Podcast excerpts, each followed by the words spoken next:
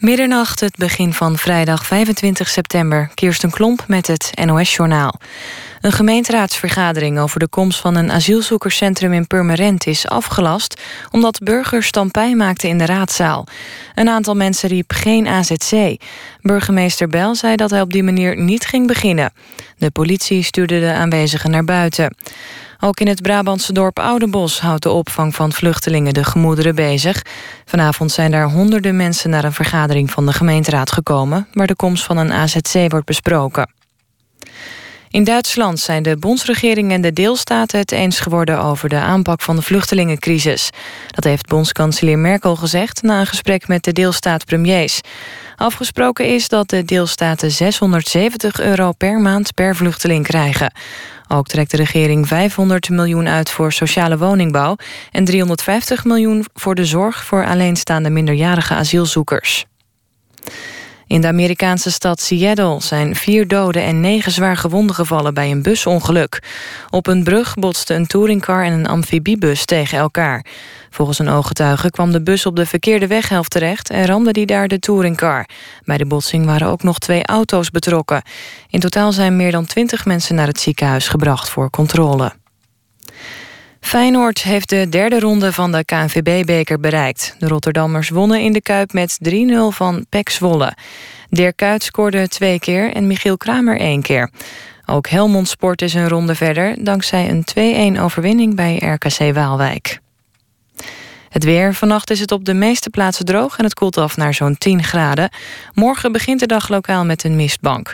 Later overal wisselend bewolkt en af en toe een bui. Het wordt 16 of 17 graden. In het weekend droog en meer zon. Dit was het NOS Journaal. NPO Radio 1. VPRO. Nooit meer slapen.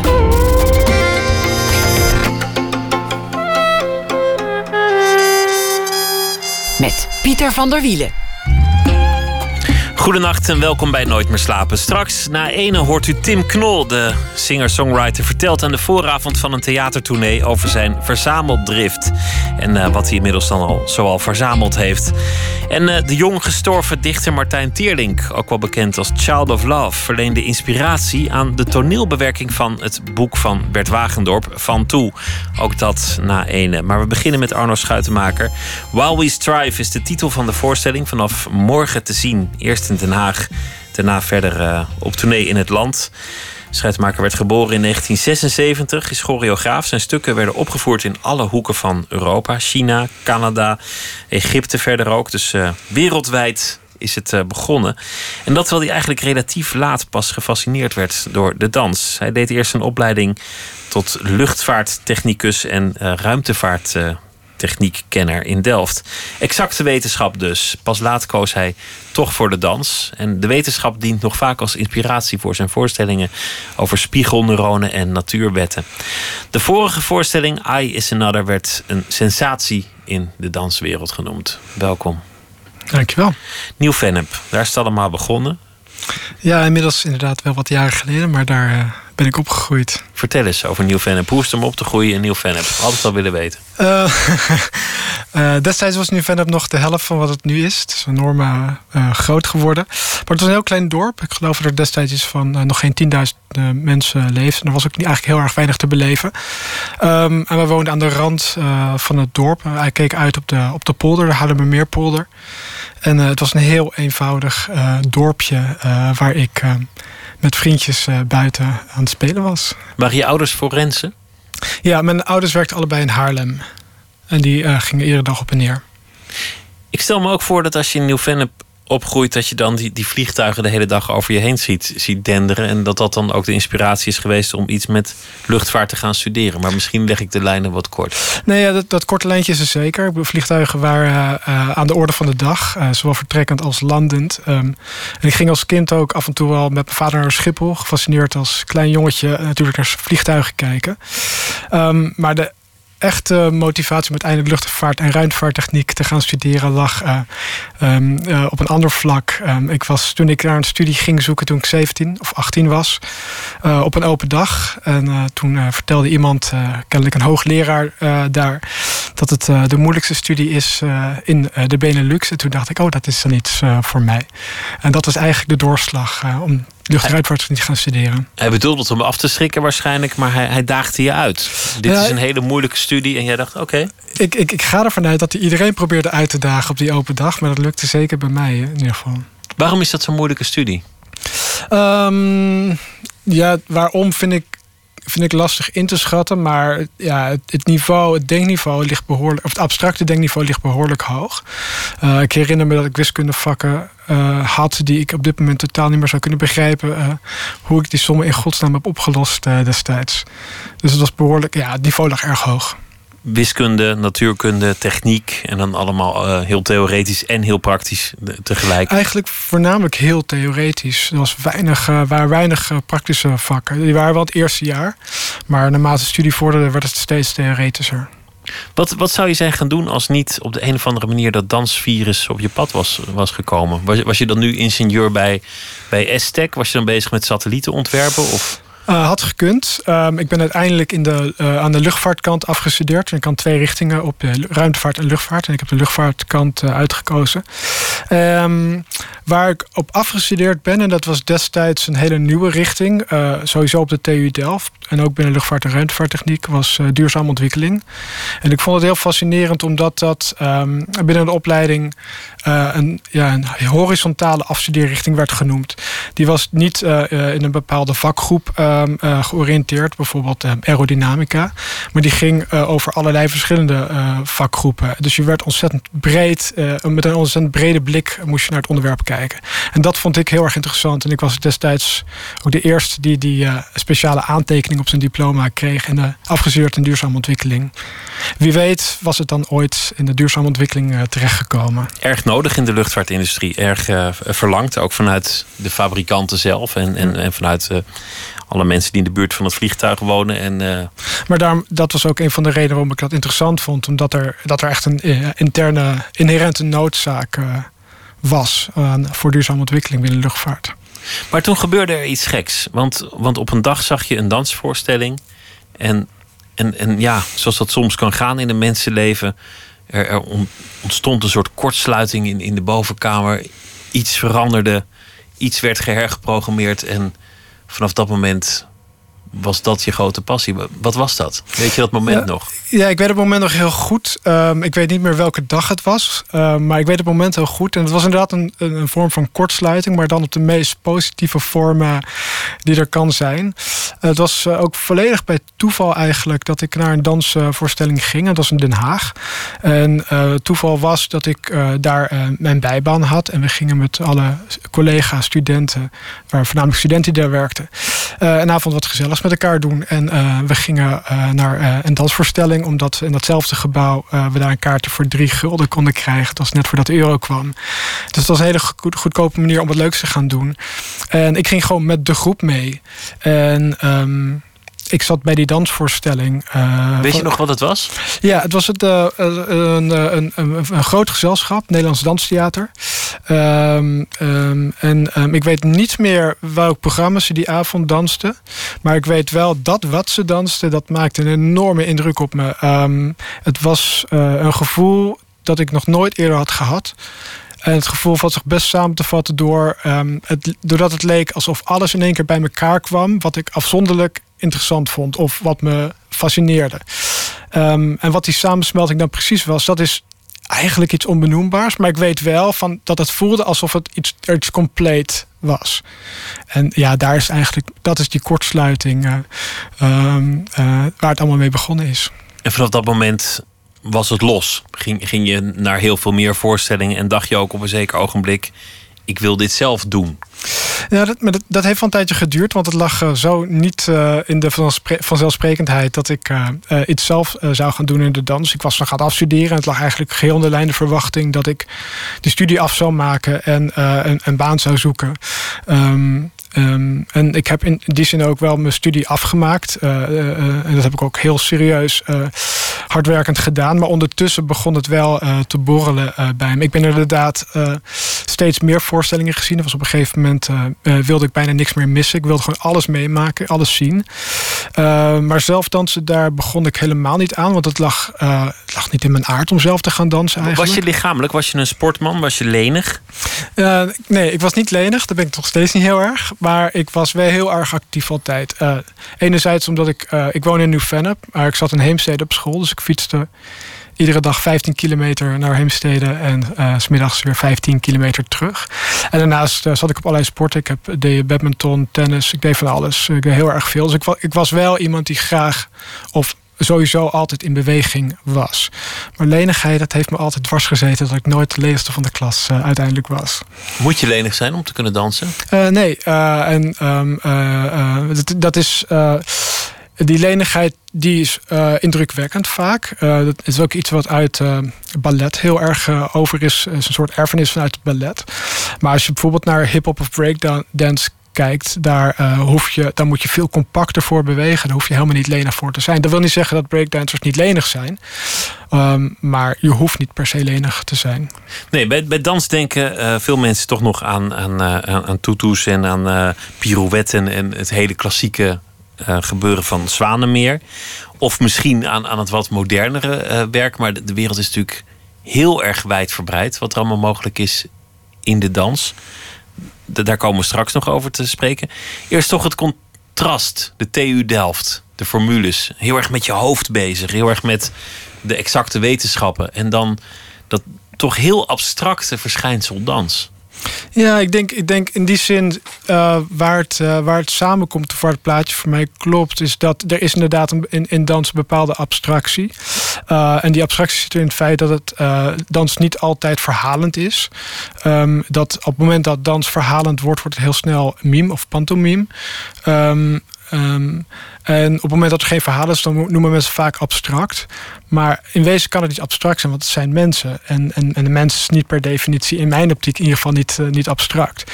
Um, maar er zit zeker een overlap in uh, uh, waar dans ook. Um, ja, met ab abstracte begrippen zich laat uit. En dat zit bijvoorbeeld in beweging. Beweging is een abstract begrip. Maar dat zit ook in, in, in, in aanverwante begrippen zoals ruimte of tijd. Die zijn, die zijn abstract, maar tegelijkertijd uh, basisingrediënten van, van dans. In het theater in ieder geval. Um, uh, maar tegelijkertijd zit er die enorme menselijke kant aan. Je kan niet zonder een lichaam dansen. En een lichaam is zoiets menselijks. Dus, en ik vind dat een heel mooi um, ja, samenkomst van twee dingen die ja, eigenlijk soms niks met elkaar lijken te maken te hebben. Er is voor jou toch een soort verband. Je ging dansen. Eerst, eerst uit, uit nieuwsgierigheid, omdat je, dat je al die voorstellingen zag en, en dat interessant vond. En toen kwam het moment dat je dacht: nee, dit, moet een carrière worden. Ik ga de dansacademie doen. Ja, dat moment was eigenlijk, uh, kwam niet vanuit mezelf. Dat was uh, toen ik uh, in de, op een gegeven moment amateurlessen ging volgen. omdat ik inderdaad toch wel heel erg graag zelf ook wilde dansen. Um, en ik meen me te dat ongeveer na een drie kwart jaar of een jaar was... dat een van de docenten op die amateurschool zei van... goh, uh, waarom ga je niet eens een keer auditie doen? En mijn eerste reactie was van, nou, waar heb je het over? Dat ik kan toch helemaal geen auditie doen? Ik ben enerzijds uh, veel te oud inmiddels om auditie te doen... en ik ben nog maar net begonnen. En uh, ik heb een studie nu net afgerond. En dat is een vijfjarige studie. Ik heb er zeven jaar over gedaan. Maar ik heb je afgerond. En waarom zou ik nu nog een, een nieuwe studie kunnen gaan doen? Want ik heb in principe geen studiefinanciering uh, meer. Uh, ik was nog, ben nog van een generatie waar er gewoon studiefinanciering uh, was. Ja, moeten we dat uitleggen of, of, weten de mensen nog wel wat dat was? Ik hoop dat mensen dat nog weten wat dat, ja. wat dat is. Um, maar dus eigenlijk een heel onlogische keuze om, om, die, om, die, om die voorstelling of, of die, die opleiding nog te gaan doen. Ja, en nou, dat kwam dus komt eigenlijk voort dat iemand me aanmoedigde om dat te gaan doen. En uh, bloed stroomt waar het niet gaan kan. En ik wilde eigenlijk wel. En dat was eigenlijk de motivatie om een keer auditie te gaan doen. Toen ben ik op zoek gegaan van waar, waar zou ik een opleiding kunnen gaan doen. Of zou ik eigenlijk, waar zou ik auditie kunnen doen. Toen vond ik uh, één opleiding um, waar ik een auditie kon doen. Waar ik geen solo hoefde te dansen op mijn auditie. En dat vond ik veilig genoeg, want die stap was iets te groot. En dat was een auditie op de docentenopleiding in Tilburg op de Fontestans Academie. En daar heb ik auditie gedaan toen ik 25 was. Ja, was 25. En tot mijn grote verbazing, ik dacht dat ik alles had verknald tijdens de auditie.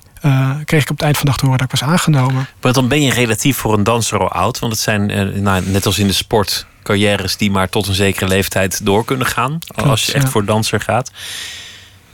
Relatief laat ging je het doen. Je werd aangenomen, maar dan moet je het nog vertellen thuis in Nieuw-Vennep aan je ouders. Ja, um, ik, uh, ik herinner me inderdaad dat ik uh, zelf ontzettend blij was dat ik uh, was aangenomen tegen alle verwachtingen in. Um, omdat ik had verwacht dat ik daar überhaupt niet in aanmerking voor zou komen. En ik herinner me inderdaad dat ik um, naar het station liep in Tilburg om terug naar Delft te gaan, waar ik destijds woonde. mijn moeder belde om het goede nieuws te vertellen. En mijn moeder eigenlijk vol onbegrip reageerde waar ik in godsnaam aan dacht te gaan beginnen. Ook wel voorstelbaar, toch? Nou ja, zij hadden in principe zeven jaar lang, of niet zeven jaar lang, maar wel behoorlijk wat jaren mijn uh, uh, andere studie uh, ondersteund. Zoals ouders altijd hun kinderen helpen met studeren. Dus het was niet helemaal de, bedoeling dat ik nog een studie zou gaan doen. En zeker niet een dansopleiding. Met een ongewissere toekomst. Begrepen zij wat, wat er zo mooi was aan dans? Want ik moet meteen ook denken aan nou ja, verhalen als Billy Elliot. De, de, de ouders die dan een, een hartverzakking krijgen, want het jongetje houdt van dansen en niet van mannelijke sporten of rugby of, of hele concrete technische dingen die, die ouders wat liever nou zien? in die zin zijn mijn ouders nooit in, in die extreme mate in een stereotype man of vrouw uh, denkbeelden. Um, zo hebben ze me niet opgevoed in ieder geval. Onbegrip lag er voornamelijk in uh, zo'n zo'n grote ommezwaai. Dat doe je niet in je leven. Je gaat niet als uh, Master of Science een dansopleiding in één keer doen. Maar was er cultuur thuis? Gingen jullie naar het theater? Gingen je ouders naar het theater? Nee, heel weinig. Um, in Nieuw-Vennep was zo'n klein dorp. En de steden die in de buurt waren, zoals Haarlem, Leiden, Amsterdam... Ja, die waren eigenlijk altijd net iets te ver weg. En um, nee, ik, we gingen eigenlijk bijna nooit naar... We gingen wel naar museum toe, maar niet naar het theater. Dus in die zin kwam het niet van hun uit. Je bent het gaan doen. Je deed die voorstelling uiteindelijk, uh, of uh, die opleiding. Ik, ik had tijd die woorden door elkaar. Het is gek hoe, hoe het brein werkt. Komen we straks over te spreken hoe het brein werkt. Um, je ging die opleiding doen, maar net zei je van ja, eigenlijk wilde ik luchtvaarttechniek gaan doen. Omdat ze hadden gezegd dat is de moeilijkste studie die er bestaat. Met andere woorden, je bent ook wel een, een streber. Je houdt wel van een beetje competitie. Nou, dat is dat ik van een uitdaging hou. Je houdt van een uitdaging. Je zag Nederlands danstheater. Nou, zoals vroeger de hele wereld naar het Nederlandse voetbal keek. Kijkt nu de hele wereld, die, die van, althans de mensen die van dans houden, naar het Nederlands danstheater. Dus het allerhoogste niveau wereldwijd? Ja, het is een ontzettend uh, gerespecteerd gezelschap. Um, daarnaast heb je natuurlijk in Nederland ook nog het Nationaal Ballet. Maar voor de moderne dans uh, staat het Nederlands Danstheater vrij ja, heel erg goed aangeschreven, inderdaad. En daarmee ook andere choreografen uit Nederland. Je komt later. Je hebt al een, een, een opleiding achter de rug in heel iets anders. Is het dan moeilijk? Heb je dan iets in te halen? Ja, absoluut. Um, ik was, uh, uh, toen ik eenmaal begon de opleiding, uh, binnen een maand werd ik al 26. Um, het is een, in Nederland zijn de, de academisch HBO-opleidingen. Um, dus daar kan je naar je HAVO aan beginnen. Dus ik had klasgenootjes die net 17 waren geworden. En ik was nou, uh, bijna tien jaar ouder uh, dan mijn klasgenootjes. En heel veel, um, vooral uh, meisjes, beginnen aan een vooropleiding. Die je voorbereidt op een, op een beroepsopleiding als danser. Dus die beginnen eigenlijk terwijl ze op de middelbare school zitten. En ik kwam eigenlijk als ja, bijna 26-jarige binnen zonder ook maar iets bijna te kunnen. En dat, ja, dat, dat is heel confronterend. Ook omdat niet alle docenten zo uh, eerder zo iemand hebben binnen zien komen. Dus ik was voor heel veel docenten ook echt een, uh, een, een, vreemde eend in de bijt. En dat voel je. Um, ik heb ook achteraf wel eens gehoord, dat wordt me dan uiteindelijk in het vierde jaar pas een keer verteld en niet in het eerste jaar, dat er bij docentenvergaderingen docenten waren die zeiden van wat doet die jongen hier? En, en, die, en dat voel je wel.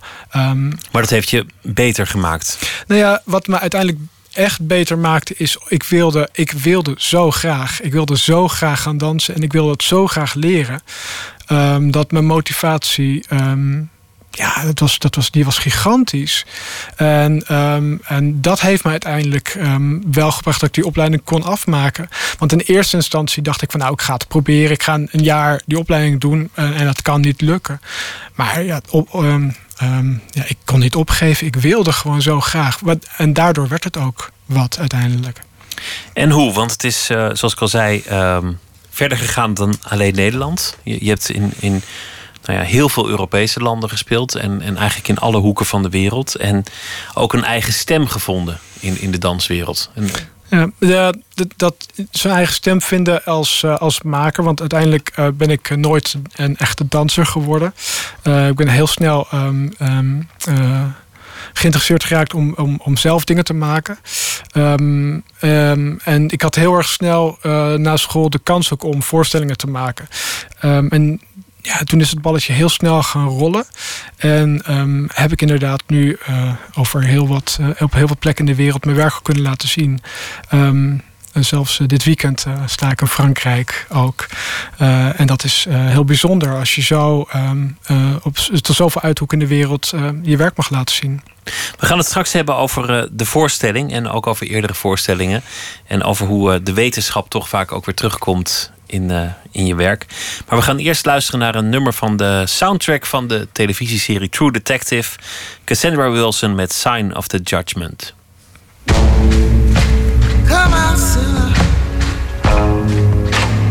come out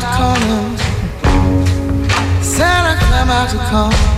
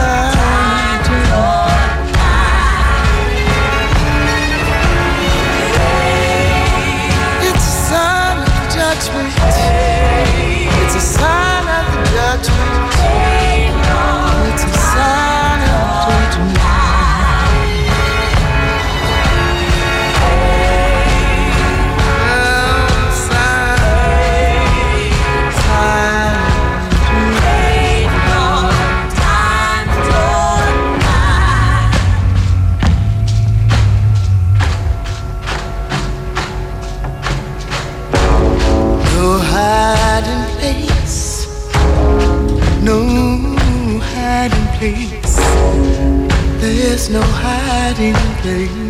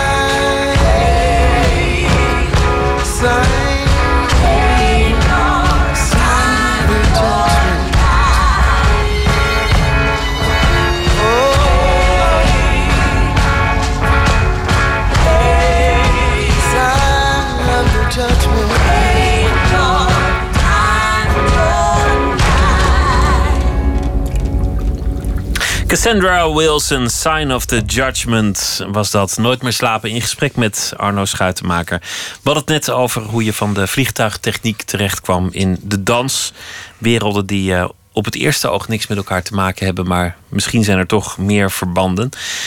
Laten we het hebben over uh, de manier waarop jij een voorstelling maakt. Want vaak zijn er toch wel soort van wetenschappelijke theorieën of gedachten die jij uiteindelijk omzet in, in beweging. Ik ben uh, gaan kijken naar de repetitie.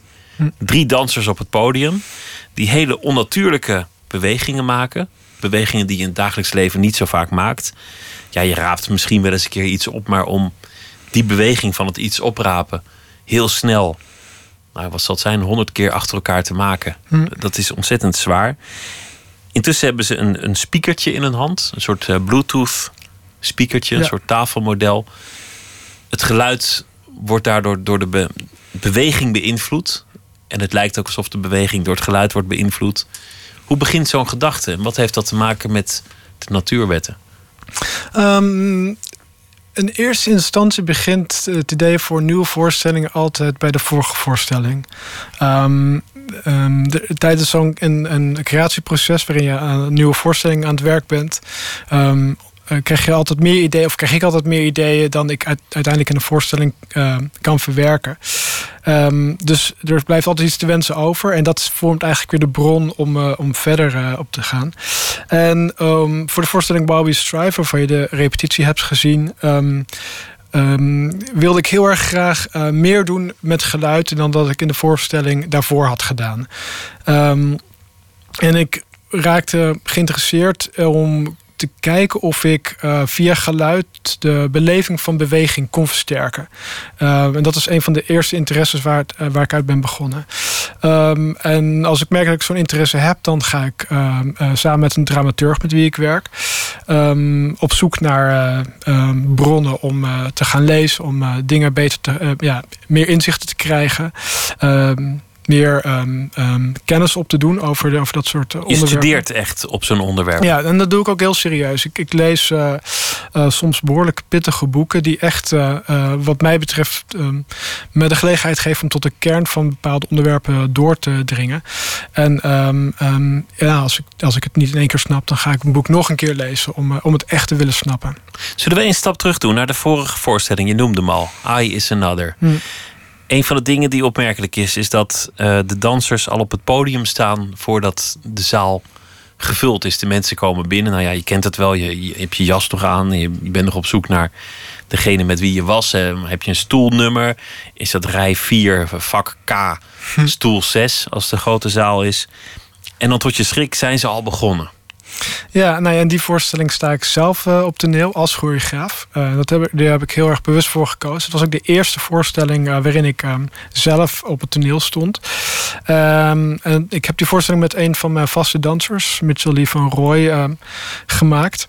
En ik heb er inderdaad voor gekozen om op een hele open manier, bijna als een soort van huiskamer-idee, op het toneel samen met hem te staan en het publiek heel open welkom te heten. Welkom in mijn domein. en ja, dat is voor sommige mensen best even schrikken als je zo in één keer wordt aangekeken of zelfs gedag wordt gezegd als je binnenkomt door degene die eigenlijk op het podium hoort te staan en waar dan altijd een afstand tot is. De voorstelling ging over, voor een deel over het brein. En, en de empathie en de spiegelneuronen. Nou, um, dus, dus uh, uh, spiegelneuronen is eigenlijk een project eerder uh, waar ik me erg op, op gefocust heb. Um, tegelijkertijd, als ik, als ik mijn werk zou analyseren, wat ik afgelopen jaar heb gemaakt, is dat onderdeel spiegelneuronen, of het onderwerp spiegelneuronen altijd een, een onderwerp in alle voorstellingen. Um, en ik ben heel erg geïnteresseerd geraakt in die spiegelneuronen, omdat ik een van de boeken heb gelezen die is geschreven door de wetenschappers die spiegelneuronen hebben ontdekt. Um, spiegelneuronen, dat, dat, jij kunt het nu inmiddels beter uitleggen dan, dan wie dan ook, want je hebt je erin verdiept. Maar het, is, het zorgt ervoor dat in jouw brein jij bewegingen van anderen meepikt. Dus als iemand zijn linkerarm omhoog steekt, dan heeft het ook in jouw effect als toeschouwer, in jouw brein een effect als toeschouwer? Ja, en het gaat nog eigenlijk veel meer, uh, het komt nog veel meer terug op het dagelijks leven. Um, als je een flesje water vasthoudt uh, en je ziet iemand die een flesje water vasthoudt, dan uh, zijn er neuronen in je hersenen die um, precies dezelfde activiteit hebben alsof je zelf het flesje water vasthoudt. En de wetenschappers die dat hebben ontdekt in de ja, eind jaren 80, begin jaren 90, hebben die neuronen die daar verantwoordelijk voor zijn, spiegelneuronen genoemd. Het wil niet zeggen dat op het moment dat iemand maar een dansbeweging maakt, dat je die beweging uh, ook maakte.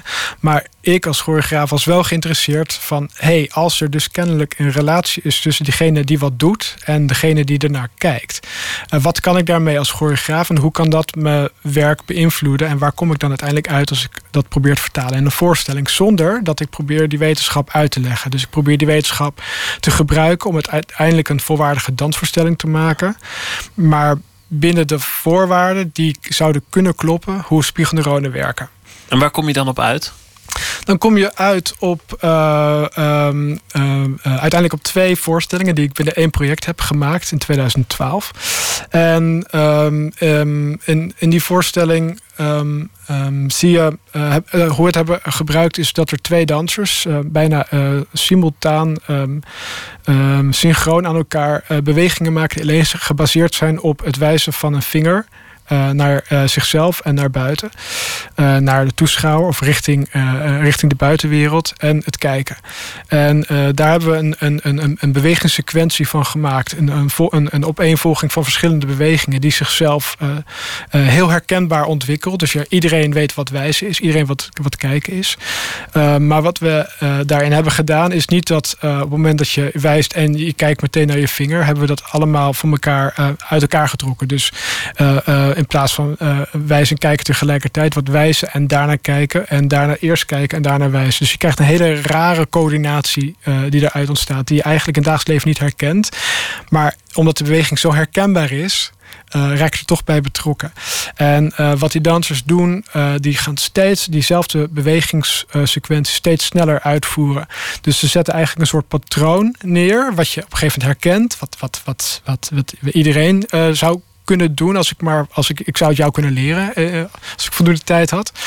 Uh, maar dat wordt zo doorontwikkeld dat het zo snel gaat dat het bijna je voorstellingsvermogen uh, te boven gaat. Dus en, en, um, en ik heb de indruk, ik zou dat eigenlijk moeten gaan kijken als ik iemand in de hersenscanner zou doen. Dat doet ongelooflijk veel in je hersenen. Daar raak je ontzettend bij betrokken. Want dat is eigenlijk het, het wonderlijke aan spiegelneuronen en ook andere dingen.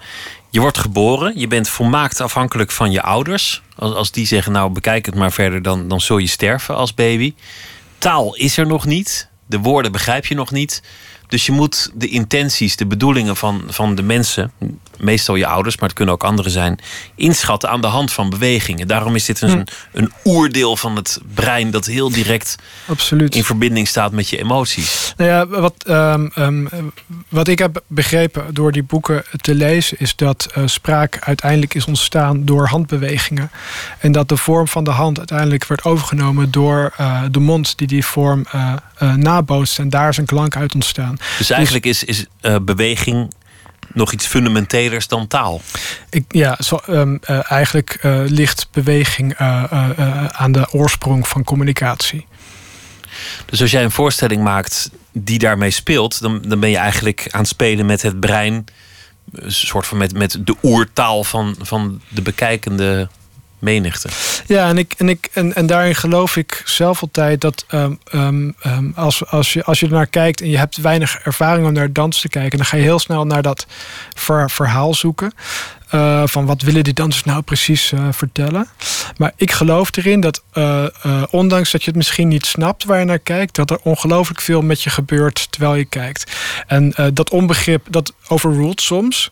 Maar het kan niet zo zijn dat als je naar dansers kijkt die ongelooflijk mooi bewegen, dat het je onberoerd laat. Want dat zit in ons om, om gevoelig te zijn voor beweging. Er is ook wel eens onderzocht, liet ze mensen op de bank naar, naar sport kijken naar, naar tennis of naar voetbal of, of wat dan ook. En dan bleek dat je, dat je brein als het ware die bewegingen aan het playbacken was. Absoluut. Je armen hingen stil, maar dat brein was in het hoofd mee aan het tennis. Ja, het schijnt dus zo te zijn dat ze nu met uh, uh, zogenaamde MRI-scanners, dat zijn scanners waarmee je hersenactiviteit kan, in, in de kaart kan brengen. Je hoeft niet zelf mee te bewegen, terwijl er ontzettend veel beweging in je hersenen ehm, kan gebeuren. En uh, dat is een ontdekking die eigenlijk dus nog maar heel erg kort geleden gedaan is. En ja, voor mij als choreograaf is dat super interessant. Wat betekent dat da dans uiteindelijk veel meer um, betekenis en zeggingskracht heeft uh, dan je eigenlijk uh, zou denken hoe, hoe, wat dans in onze maatschappij betekent. Daarom kan het mensen ook in vervoering brengen, ontroeren of, of misschien ook kwaad maken of opwinden. Nou ja, ik denk dat daarin dans, um, um, omdat het met het lichaam te maken heeft en ons lichaam um, soms meer aan ons kan vertellen dan onze hersenen, bij onderwerpen uh, kan komen die we als onbenoembaar of ongrijpbaar uh, bestempelen. Je speelt met het brein van de toeschouwer door, door eigenlijk die spiegelneuronen aan het werk te zetten en het dan onnavolgbaar te maken, omdat die bewegingen te snel gaan of te onvoorspelbaar. Wat hoop je te bereiken? Um, ja, die vraag heb ik vaker gehoord. Want er, er zit, er zit uh, op het moment dat je inderdaad zegt van je speelt uh, met, met het publiek, dat er een bepaalde bedoeling achter zit. Maar zelf zie ik dat niet als, als spelen. Ik vind het veel interessanter om. Um, in, in het theater, in, in de tijd dat zo'n voorstelling duurt, een, een, een ervaring op gang te zetten die zo intens is dat je um, hopelijk rijker theater uitgaat en daardoor rijker de wereld ziet dan daarvoor. En dat is vrij behoorlijk groot gezegd. dus het mag heus wel op 10% van wat ik net heb gezegd zetten. Maar um, ik geloof dat theater, omdat je daar live aanwezig kan zijn en dat je daar live bij zit, um, um, een soort hier en nu moment kan creëren wat uniek is en daardoor heel erg waardevol is. En uh, dat is nog meer waar ik op inzet dan om een spelletje te spelen met uh, toeschouwer. Ik heb een fragment van de muziek, want dat speelt ook altijd een rol van die vorige voorstelling, Ice Another. Je, je laat altijd speciaal iets uh, componeren, dat, dat past bij die bewegingen. Het, uh, het licht is ook enorm belangrijk. Het, ja, het is echt uh, theater. We gaan luisteren naar een, een fragmentje van die muziek.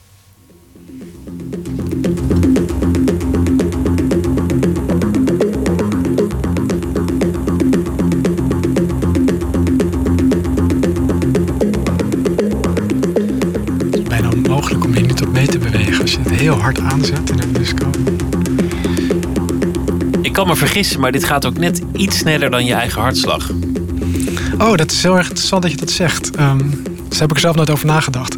Maar er zit absoluut het idee van een, een pulserend ritme in. En uh, het idee van een pulserend ritme, dat kennen we. De, de hartslag, ademhaling. Dat ligt uh, ontzettend dicht bij de, de kern van waaruit we kunnen bestaan. De voorstelling daarna um, ben je verder gegaan met de spiegelneuronen. Ging je eigenlijk nog fundamenteler in op, op de beweging. Nu ben je uitgekomen bij geluid en, en natuurwetten. Waar gaat het dit keer over? Um, ja, While We Strive is een voorstelling waar ik um, uh, um, begonnen ben met componist, een jonge Italiaanse componist. omdat ik, uh, wat ik net al zei, heel erg graag naar een manier wilde zoeken om geluid um, um, een rol laten spelen om die beleving van beweging te versterken. Um, en nou, die vraag uh, uh, uh, ben ik met hem begonnen en is hij verder gaan denken, wat kan ik daarmee? En het was een vrij interessante zoektocht, want Um, hij is ook rond gaan vragen en we kwamen al, hij kwam al snel op movement tracking uit. En dat is een, een, een, ja, een technologie die um, via computers nu mogelijk is. moet je voorstellen dat als ik voor een, zo, een infraroodcamera zou staan die mijn lichaam zou herkennen. En het computerprogramma is in staat om mijn lichaam in kaart te brengen, te, te mappen. Um, niet te mappen in het Nederlands, maar op het Engels. Uh, dan uh, kon dat programma uh, zien wanneer ik een beweging maakte en daar een geluid aan, aan, koppelen. En dat was de eerste dag dat we daarmee werkten enorm fascinerend. En de tweede dag dat ik daarmee werkte, dacht ik van nee, dat wil ik helemaal niet gebruiken. Want het is uiteindelijk wat, wat, die, wat, wat ik daarmee kan doen, is laten zien hoe goed die, hoe, hoe knap die technologie in elkaar zit. Ehm, dus ik heb tegen de componist gezegd: Nou, dankjewel dat, dat je dit hebt voorgesteld. Maar ik heb hier geen, geen interesse in, omdat uiteindelijk wil ik een voorstelling van een uur maken. En als ik iets binnen vijf minuten kan uitleggen, ben ik. Uh, uh, dan heb ik 55 minuten. ben tijd aan het verdoen, eigenlijk. Ja. En toen uh, is hij verder gaan denken en kwam bij toeval, uh, terwijl hij iets aan het opruimen was, uh, zag hij een Bluetooth speakertje. Een, een, draadloze speaker die via een Bluetooth verbinding het geluid kan laten horen. En hij nam wat mee naar, naar, de, naar de studio, naar de repetitie. En hij had een, eh, een, eh, een, eh, gewoon een hele simpele geluidstrack gemaakt. Eén toon die, die, die vanuit de computer naar dat speakertje stuurde. En ik pakte het op en begon ermee te bewegen. En we keken elkaar meteen uh, blij en verrast aan. Want doordat je dat speakertje beweegt, verandert het geluid in de ruimte. en dat was fascinerend, want daar kan je dus, nou, als je het over woord spelen hebt, daar kan je mee gaan, mee gaan spelen. En dat is uiteindelijk uitgang uitgangspunt geworden om, uh, om die voorstelling uh, mee te gaan ontwikkelen. Drie dansers staan op het podium. Ze, ze komen uiteindelijk ook heel dicht naar elkaar toe. Hm. Ze maken bewegingen die, die, die er echt pijnlijk uitzien. Bewegingen die onnatuurlijk overkomen en heel erg intens. Ja, het, het, was een vrij klein repetitielokaal. Ik, ik zat vrij dicht op die, op die dansers. Ze, ze deden een soort doorloop van de hele voorstelling. En, en ik kon het zweet ruiken. Het, het, het, het spatte ook op een gegeven moment rond. Het was onvoorstelbaar intensief. Ik bedoel, iedereen die denkt van... goh, nou, ik heb een, een lesje aerobics gedaan... nu ben ik moe. Je hebt nog niks gezien. Dit ging vele malen verder. Ja, um, um, ik kan je rustig vertellen dat die dansers inderdaad helemaal kapot zijn uh, na een voorstelling. Uh, zeker als je dat een uur lang uh, achter elkaar doet. Maar er zit, er zit voor mij absoluut een sleutel in, in de intensiteit van beweging. Um, om uiteindelijk die, ja, empathie voor, die, die tussen de danser en jezelf kan komen tot leven te brengen. Dat wil niet zeggen dat je alleen maar intensiteit moet hebben. Maar dat is zeker een punt wanneer dat het sterkst wordt geactiveerd. Um, het is ook iets wat ik zelf als, als, als als choreograaf, maar ook als mens het meest spannend vind. Uh, uh, ook graag in het leven sta op een hele intense manier. Dus dat is ook iets wat ik daar interessant vind. Als mensen echt tot het uiterste gaan. Ja, oh, omdat, dan kom je ook op het onderwerp van overgave. En op het moment dat een danser zich echt durft over te geven aan de beweging, dan zit je op, een, op, op, het, op het snijvlak tussen controle en, en, en uh, niet meer in controle zijn. En dat is een, speel, dat is een snijvlak wat, wat, wat, wat een spanningsveld oproept, waar ontzettend. Um, um, fijn is om daar naar te kunnen kijken. Zeg ze nooit een keer van, joh, schuitenmaker, echt heel, je, je makkelijk praten, je zit ons een beetje aan te moedigen, maar heb je enig idee wat je van ons vraagt? Uh, gelukkig weten ze dat ik uh, mezelf ook uh, in een voorstelling helemaal in de strijd gooi. dus um, ja, ik, ze weten wat ik van ze vraag, maar um, ik kan het vragen omdat ik uiteindelijk op een hele um, uh, respectvolle manier uh, met ze omga. Ik laat ze echt um, uh, zeggen wanneer, wanneer, ze, wanneer te veel is. Um, ik laat ook ze aan het woord van hoe zullen we vandaag gaan werken? Hoe voelen, hoe voelen jullie vandaag? en omdat er dat wederzijds respect dat daaruit ontstaat, durven ze ook echt veel te geven aan je. We gaan luisteren naar Death Cab for Cutie uit Los Angeles met een nummer dat als titel draagt You've Haunted Me All My Life.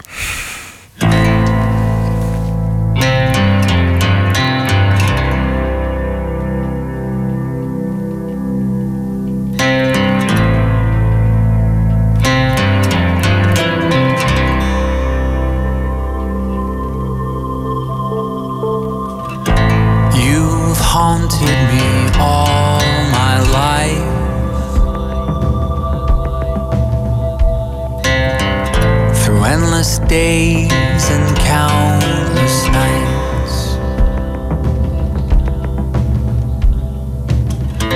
It was a storm when I was just a kid.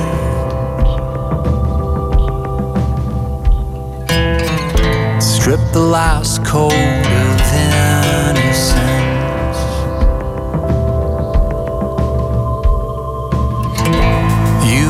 haunted me all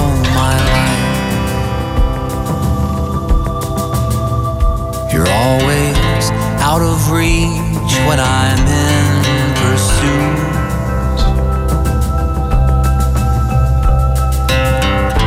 Long winded, then suddenly mute.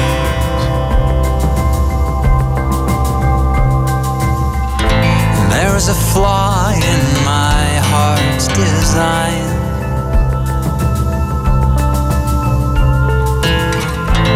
I keep trying to make you mine.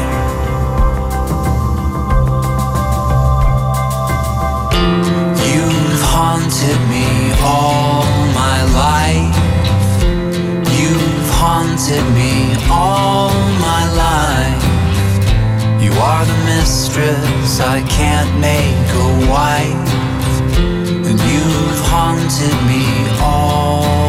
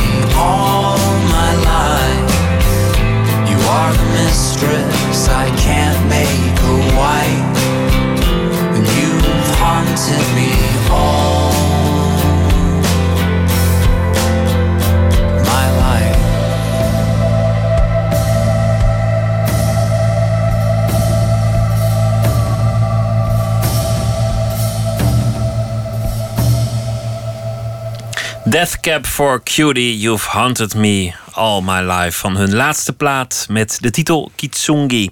Arno Schuitenmaker zit tegenover mij. Hij is choreograaf. We hebben het eh, over de voorstelling die vanaf morgen op tournee gaat. While We Strive. Ehm, we hadden het over de bewegingen die je de dansers laat maken. De intensiteit die je van ze vraagt. Je zei overgave is absoluut een middel om het publiek te winnen, te betrekken. eh, om, om iets los te maken. Misschien kun je het vergelijken met zang. Als, als iemand voluit zingt, Aretha Franklin of een, of een opera diva of eh, Steven Tyler of weet ik veel mensen die echt heel hard kunnen zingen, dan zal de toehoorder dat ook voelen in zijn, in zijn, in zijn botten.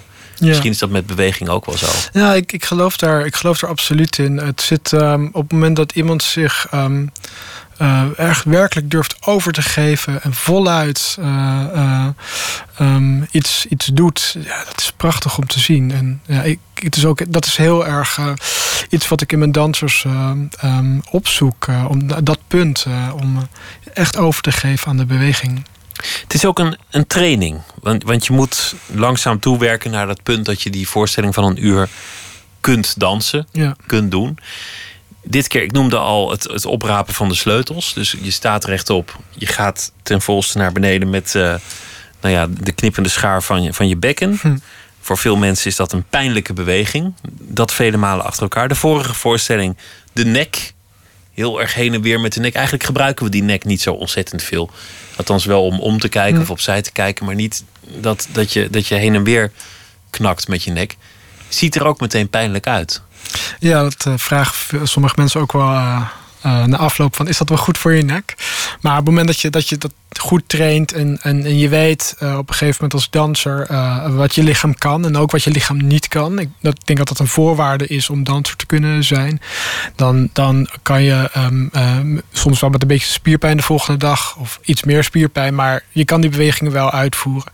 En je voelt um, hoe beter je lichaam kent ook wel aan tot waar je kan gaan. De beste dansers die weten. En dat, dus mijn dansers zeggen dat ook vanaf, vandaag tot hier, want um, um, het verder gaat niet. Um, dus en dat is, dat is wel de voorwaarde om dat soort bewegingen te kunnen maken. Dat je wel weet van uh, hoe je het moet doen. Zijn er bewegingen die jou meer fascineren dan andere? Want, want je, je, we hadden het over de, de oertaal van beweging, de, de lichamelijke taal. De spiegelneuronen die in jouw brein activeren als je iemand ziet wijzen als je, als iemand ziet bukken. Ja, als je heel naar een clichébeeld van dans gaat, uh, wat ook erg uit het ballet komt, dan denken we dans heel snel aan uh, hoge benen, hoge benen die, uh, die hoog in de lucht gaan. En dat, dat, heb ik eigenlijk helemaal niet in mijn werk. Ik, ik, ik werk heel erg vanuit de romp, het, het, het, het, bovenlichaam, waar eigenlijk alle beweging uit voortkomt. En vandaar het, het bovenlichaam dat helemaal naar beneden gaat of opzij gaat. daarbij, en daarbij de schouders en de heupen, die echt hele belangrijke elementen zijn waaruit beweging ontstaat. Maar armen ook, maar bijna nooit de, de, benen die omhoog gaat. Ik vind die romp, daar, daar, dat, waar het krachtige, echt de kracht van het lichaam in besloten zit, vind ik het meest fascinerend aan het lichaam. Weet je waarom? Ja, um, ooit eens gezegd. Uh, het is dan een beetje een poëtische interpretatie. Uh, um, die voor mij goed genoeg is. Maar uh, daar zit uh, al het vitale van ons lichaam uh, verborgen. En ja, dat is. de organen. ja, precies. Ja. ja. De longen, nou ja, noem maar op. De hele, de hele toestand. Dus dat, dat deel van ons lichaam, dat, ja, dat spreekt voor mij daarom het meest. Waar begint het, de, de, de fascinatie voor een bepaalde beweging? Want je zei, ik heb natuurkundige principes die, die, die ik dan wil onderzoeken. iets, iets in het brein of, of uh, spiegelneuronen of wat dan ook. Hm. Maar zit je ook wel eens op een bankje in het park naar mensen te kijken en, en, en hoe ze bewegen? Let je daarop? Is het voor jou een taal geworden? Ja, het is altijd wel. Um, ik ben me ontzettend bewust van uh, de hele dag door hoe iemand beweegt. Um, maar als ik in de studio ben, dan werk ik wel echt met mijn dansers. Het, zijn, het, zijn wijn, het komt eigenlijk niet veel voor dat ik op straat loop van wat een mooie beweging is dat. Uh, en dan vraag ik mijn danser om, om die beweging ook te, uh, te, maken. Dus ik werk in de studio als ik het, aan de voorstelling werk echt met mijn dansers. Maar um, ja, absoluut dat ik de hele dag door bewust ben van hoe iemand beweegt. dat laat je eigenlijk niet los als choreograaf. Daar kijk je naar. Ja, daar constant bewust van, inderdaad. Nou ja, en meestal is dat gewoon weinig, toch? Want dat is de grote klacht, dat mensen weinig bewegen. Ja, maar iedereen van een hele specifieke bewegingstaal. Uh, um, um, en en, en dat, dat is altijd wel fascinerend om te zien hoe iedereen daar een heel eigen manier van beweging heeft. Hoe weinig het ook uh, is. Een soort handtekening. Oh ja, iedereen heeft, ja, absoluut. Ja. Je hebt uh, in, in heel veel landen opgetreden inmiddels. Je voorstellingen die zijn uh, overal uitgevoerd. Is dat eigenlijk anders? Of is het toch, toch iets universeels? Omdat taal per land verschilt. En taal is natuurlijk ontzettend belangrijk ook voor, voor je emoties en voor, voor hoe je in elkaar zit. Eh, dat is ook heel vaak onderzocht. Dat als je een bepaald woord maar vaak genoeg gebruikt, hm. dan, dan wordt het ook waar. Als je, als je het woord vermoeid of depressief gebruikt, dan doe je jezelf bijna al iets aan hm. met die diagnose. Hm. Zijn er verschillen in, in beweging per land? Uh, absoluut. Um, um, ik uh, herinner me dat ik in uh, Indonesië heb gewerkt. Um, waar klassieke Indonesische dans heel sterk nog is. Wij hebben dat in Nederland behalve de klompendans zijn we het volledig uh, kwijt.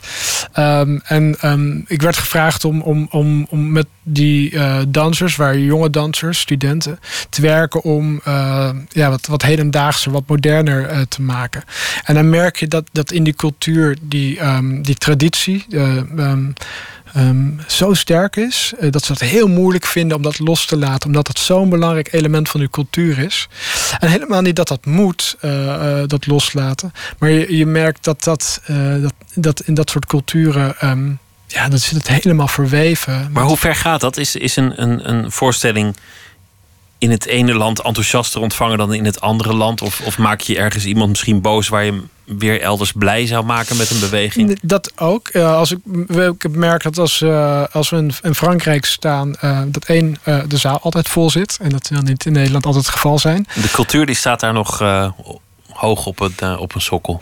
Ja, je merkt dat er echt ook voor dans en voor moderne dans, hedendaagse dans, echt een bijna vanzelfsprekende belangstelling uh, is. Ik zie ook um, uh, dat uh, het normaal is dat het hele gezin naar behoorlijk serieuze voorstellingen gaat. Um, dus dat, dat valt op, dat het vol zit vaak. Um, wat ook opvalt is dat het applaus een stuk langer is in, in Parijs. daar word ik voor dezelfde voorstelling rustig vier tot vijf keer teruggeroepen om te buigen. En in Nederland is vaak na één of twee keer wel, wel genoeg. En niet omdat Nederlanders het niet waarderen, maar het is een hele andere manier, merk in het buitenland om uiting te geven uh, dat ze het waarderen. Dat gaat er nog eigenlijk over hoe je omgaat met cultuur en, en podiumkunsten, maar dan puur de beweging. Ja, is, er een, is er een andere appreciatie? Want jouw onderzoek was eigenlijk: wat maakt het in iemands brein los wanneer je bepaalde hm. bewegingen ziet? We weten dat het brein reageert op andermans uh, het, is het is lastig in te schatten hoe dat uh, uh, per land of per individu verschilt. Ehm, um, maar wat, wat dans uh, natuurlijk uniek maakt, is dat het uh, um, uh, iets universeels in zich draagt. Want we zijn niet beperkt door, die, door, door de taal erin. En ik denk op het moment dat, en dat is misschien waar we het net over hadden, als die overgave aan het lichaam zo overtuigend is, dan kan iedereen uh, daar eigenlijk wat mee. En dat is ook wel wat ik merk. Dat, en dat is iets universeels wat je altijd uh, terug hoort. Uh, dat daar heel veel waardering voor is. Toch die, die, die oortaal. Deze voorstelling gaat in het najaar reizen. Ja. In Nederland in verschillende theaters. Je zei al dat je naar Frankrijk gaat. Wat gebeurt er eigenlijk verder de komende periode? Wat weet je al? Um, um, ik ben genomineerd voor een prijs. Dus dat wordt binnenkort ook uh, bekendgemaakt of ik die krijg. Dus, uh, dat prijs is dat? Het is de prijs van de Nederlandse Dansdagen. Uh, Nederlandse Dansdagen is een uh, jaarlijks festival. dat wordt georganiseerd in Maastricht. Ehm, waar um, net als in de theaterwereld de belangrijke dansprijzen worden uitgereikt. En ik ben een van de genomineerden voor, voor, voor een van de prijzen. Dus dat is spannend. Ehm, wat, dat, eh, dat zit aan te komen. Uh, ik ben bezig met de ontwikkeling van een uh, nieuw project voor 2016. Uh, daar ben ik mee bezig. Um, Um, en uiteindelijk ben ik op dit moment ook gewoon heel erg druk met de dingen die nu, uh, die nu lopen. Ik ben met vier verschillende voorstellingen op reis. Uh, While We Strive uh, nu in Nederland. Dat is eigenlijk de belangrijkste tournee die we hebben. later het najaar in november ga ik nog naar Italië en weer naar Frankrijk. Maar daar weer met een andere voorstelling. Dus het is behoorlijk druk op dit moment. Zijn je ouders het eigenlijk gaan begrijpen uiteindelijk? Omdat je, dat je zei, mijn moeder kreeg een hartverzakking toen ik zei... mam, uh, ik ben wel klaar met luchtvaarttechniek, maar nu wordt het toch dans. Is het ooit gaan begrijpen? Is dat moment er geweest dat ze kwam kijken en dacht... oké jongen, ik, ik snap nu wat je bedoelde? Ja, dat, moment is wel gekomen. En dat, eh, er zaten bepaalde etappes uh, in. De, de, de, de, eerste etappe was dat ze zagen dat ik toch echt wel heel, heel erg... Um, leuk vond, uh, fascinerend vond. En dat duurde, die fascinatie duurde zo lang dat het ook oké is. Dan, dan zal het ook wel echt zijn. Um, en op het moment dat ik aan het werk was um, um, en, ook waardering kreeg uh, als ja, beginnend uh, choreograaf, dan, dan merkte ik ook van oké, daar, daar, daar nou, wie weet kan het nog wel wat worden met die jongen. Um, wil niet zeggen dat als ze, als ze nu komen kijken, uh, dat ze uh, uh, even uitvoerig over een dansvoorstelling kunnen praten als dat ik het zelf kan. maar ik zie wel, en dat, ik zie wel dat hoe, hoe meer ze voorstellingen van me hebben gezien, hoe meer ze begrijpen. Wat ik daar interessant aan vind, wat ik er fascinerend aan vind. En mijn moeder zegt tegenwoordig dat ze het magisch vindt. Dus die is wel om. Mooi, goed om te horen. Dank dat je te gast wilde zijn en heel veel succes met uh, de tournee en alle andere dingen en de volgende voorstelling. Arno Schuitenmaker, dank je wel. De titel van de voorstelling is While We Strive en die is uh, de komende weken te zien in heel veel theaters uh, in het land. En we mogen ook uh, kaarten weggeven. Niet ontzettend veel kaarten, maar uh, een paar kaarten. Dus uh, mailen nooit meer slapen vpro.nl of via Twitter vpro. Of hoe, hoe zeg je dat? VPRO NMS. Nou ja. Zometeen gaan we verder met heel veel andere onderwerpen. En dan krijgt u ook weer een verhaal. Want deze week schrijft elke nacht Wanda Bommer een verhaal over de voorbije dag. Tot zometeen.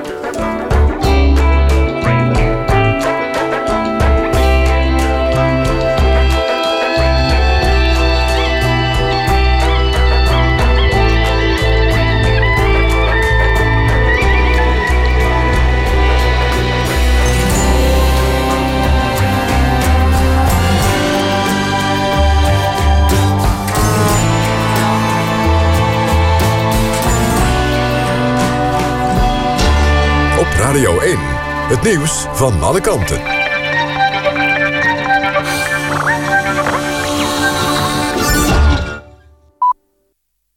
1 uur, Kirsten Klomp met het NOS-journaal. In Duitsland zijn de bondsregering en de deelstaten het eens geworden over de aanpak van de vluchtelingencrisis. Dat heeft bondskanselier Merkel gezegd na een gesprek met de deelstaatpremiers. Afgesproken is dat de deelstaten 670 euro per maand per vluchteling krijgen. Ook trekt de regering 500 miljoen uit voor sociale woningbouw... en 350 miljoen voor de zorg voor alleenstaande minderjarige asielzoekers. Honderdduizenden migranten komen dit jaar naar Duitsland... en de deelstaten dreigen dit niet aan te kunnen. Minister Koenders zegt dat hij dat zegt dat hij met ontzetting heeft kennis genomen van de ramp bij de jaarlijkse bedevaart vlakbij Mekka. Volgens de minister is het offerfeest normaal gesproken een feestelijke aangelegenheid, maar heeft het voor nu voor velen een zwarte rand gekregen. In de stad Mina brak gisterochtend paniek uit toen mensen begonnen te dringen in een massa. 717 mensen werden doodgedrukt en er vielen meer dan 800 gewonden. Frankrijk heeft een bod uitgebracht van 80 miljoen euro... op een van de twee schilderijen van Rembrandt... die ook het Rijksmuseum wil verwerven. De aankoop zou mogelijk zijn dankzij een uitzonderlijke gunst... van de Franse Centrale Bank. Deze week werd bekend dat de regering en het Rijksmuseum... 160 miljoen euro willen vergaren... om beide schilderijen naar Nederland te halen. In de derde ronde van de KNVB-beker gaat Ajax op bezoek bij Feyenoord. De Rotterdammers bereikten afgelopen avond de derde ronde... door 3-0 overwinning in de Kuip tegen PEC Zwolle. Ook Helmond Sport is een ronde verder. Die ploeg won met 2-1 bij RKC Waalwijk. Na de gespeelde wedstrijden werd er gelood voor de derde ronde. PSV neemt dan op tegen de amateurs van Genemuiden. FC Utrecht krijgt FC Groningen op bezoek. Het weer nog. Vannacht is het op de meeste plaatsen droog en het koelt af naar zo'n 10 graden. Morgen begint de dag lokaal met een mistbank en later overal wisselend bewolkt en af en toe een bui. Het wordt zo'n 17 graden. In het weekend droog en meer zon. Dit was het NOS Journaal. NPO Radio 1. VPRO. Nooit meer slapen.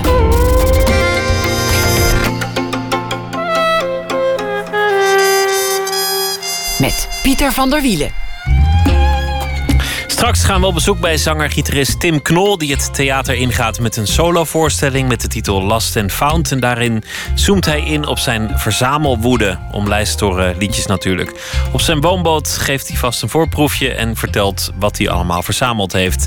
En we halen herinneringen op met René Mioch... over de 30 jaar die hij heeft gewerkt als filmjournalist. We beginnen met Wanda Bommer... want uh, zij zal deze week elke nacht een verhaal maken bij de voorbije dag. Wanda, goeienacht. Hoi Pieter, goedenavond. Ja, vertel eens over die afgelopen dag. Uh, de dag, nou, het was een uh, vrij gewone dag uh, in mijn beleving. Een beetje gewerkt, een beetje zagrijnig geworden van het grijze regengordijn. Maar ja, het is niet zo zinvol natuurlijk om daar je echt door te laten beïnvloeden. Um, nou, verder natuurlijk in de actualiteiten gedoken. Uh, ja. Voor vanavond. Wat, uh, wat was er in de actualiteiten? Nou, van alles en nog wat. Maar mijn... mijn uh, nou, en ik vond het ook weer niet zo heel, heel uh, anders dan de rest van de week tot nu toe.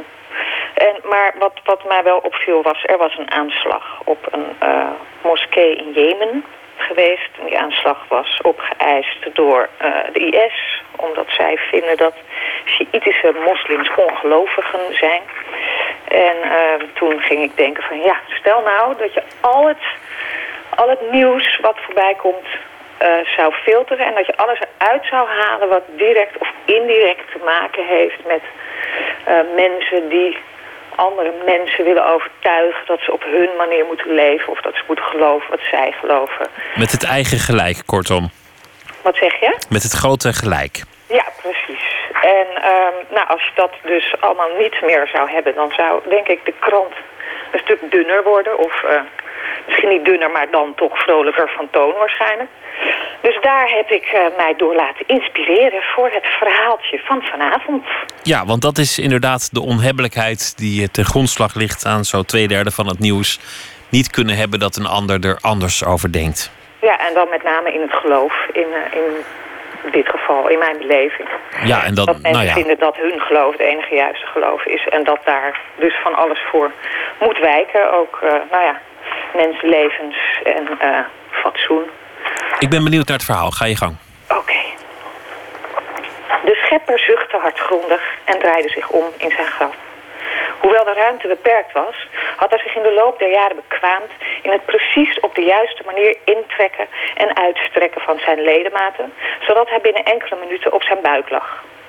Hij plaatste zijn handen onder zijn borst op de klamme, zanderige bodem van de kist.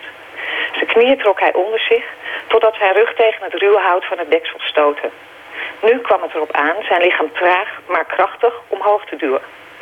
Ook met deze methode was het hem nog nooit gelukt om zijn graf open te breken. Maar sinds hij de pogingen middels explosieve trappen en stoten had afgeschaft, bleef in elk geval zijn botten heel. Wat had hij over het hoofd gezien? Welke eigenschappen was hij de mensheid vergeten mee te geven? Of welke had hij juist moeten weglaten? Hoe konden zij elkaar uit zijn naam notabene de gruwelijkste dingen aandoen?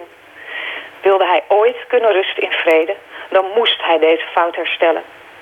Hij klemde zijn kiezen op elkaar, duwde uit alle macht tegen het deksel van de kist en luisterde naar de woorden die zo vaak in ontelbare varianten weer klonken onder zijn schedeldak. Als de buurvrouw denkt dat ik een baard heb.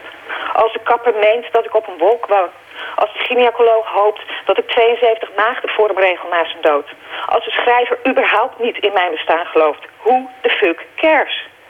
Steeds wilder, wilder stootte hij zijn lichaam omhoog. Steeds harder botste zijn rug tegen het hout. Hij had het ze gezegd. Hij had het in de boeken laten optekenen. In de godsdienst is er geen dwang. Er kraakte iets. Een kort moment van hoop ging in een vlammende rugpijn ten onder. Met trillende armen en benen liet hij zich terug op zijn buik zakken. Mislukt. Weer mislukt. De schepper zuchtte hardgrondig en draaide zich om in zijn graf. Juist. Wat, uh, wat als er inderdaad een God is en die moet aanzien uh, dat mensen er met zijn waarheden vandoor gaan. Ook als ja. het helemaal geen waarheden zijn. En, en dan, kijk, ik ben helemaal niet gelovig, maar dan, dan ben je al gelovig. Dan zit je nog bij de verkeerde stroming. Is het nog niet goed? Trouwens, als je in het een gelooft, dan ben je nog altijd een heiden in de ogen van het andere geloof. -hmm. Maar dan heb je, vroeger had je in het christendom ook de vraag: kan de slang praten of kon de slang niet praten? Of heeft hij dan met gebarentaal gezegd: eh, eet wat van die appel? -hmm. of, uh, of is er een hiërarchie in de drie-eenheid? Is de vader dan beter dan de zoon omdat hij hem kan offeren? Hoe zit dat eigenlijk? En daar zijn allemaal mensen voor vermoord. Dan denk je, ja, ja. Nou ja god, weet ik veel details. Maar Lekker de... belangrijk zou je denken. Kop eraf. Toch? Ja. Ja. Ja, ik, uh, ja, het uh, beats me. ik begrijp ook niet wat je bezielt als je, als je denkt dat het belangrijk genoeg is om mensenlevens te nemen. Maar, nee, als iemand, kijk, als iemand voor zichzelf gelooft in het spaghetti monster of in wie dan ook, dat mag voor mij allemaal. Maar uh, toch? doet in je eigen tijd. Ja, prima ja. toch? Nou, ja. nou goed, zijn het weer lekker eens. Ja, Hè? Ons, eigen, ons eigen gelijk staat alvast in marmer gebeiteld. Nu nog even mensen die er anders over denken van uh, het leven ja. beroven. Wanda, ja, daar maken we wel een plannetje voor. Goeienacht. Ja, hetzelfde. Hoi. Sabrina Stark heeft uh, alweer zeven jaar geleden haar eerste soloalbum uitgebracht. Werd meteen uh, opgepikt door Blue Note, het uh, beroemde jazzlabel. Deze week komt er een vijfde album en we gaan luisteren naar Next Man. We are all valid and worthy of our dreams and capable of trying to achieve them. We are all gifted and magical at least. Sublime and great is all that we can be. We are all beautiful individuals and all with an unique identity. In search for more loving, deeper meaning eh, in that bigger cause we all hope to believe in. Sometimes it's hard to understand. Truth and mystery go hand in hand. We all search for love, burdens and pains. Different, you're the same as the next man, as the next man, as the next man. We make excuses, we set aside our dreams, even though we can be anything. We think we're not worthy. We all seek happiness, and in between we're lost and confused. We can be sinners, not of judgment. Won't look deeper than the human eye can see. Know that the universe is here to provide love, and that's one thing that you should take notice of. Sometimes it's hard to understand. Truth and mystery go hand in hand.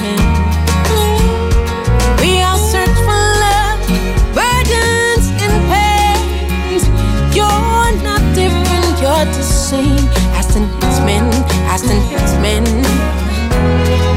The image of a stranger, much closer like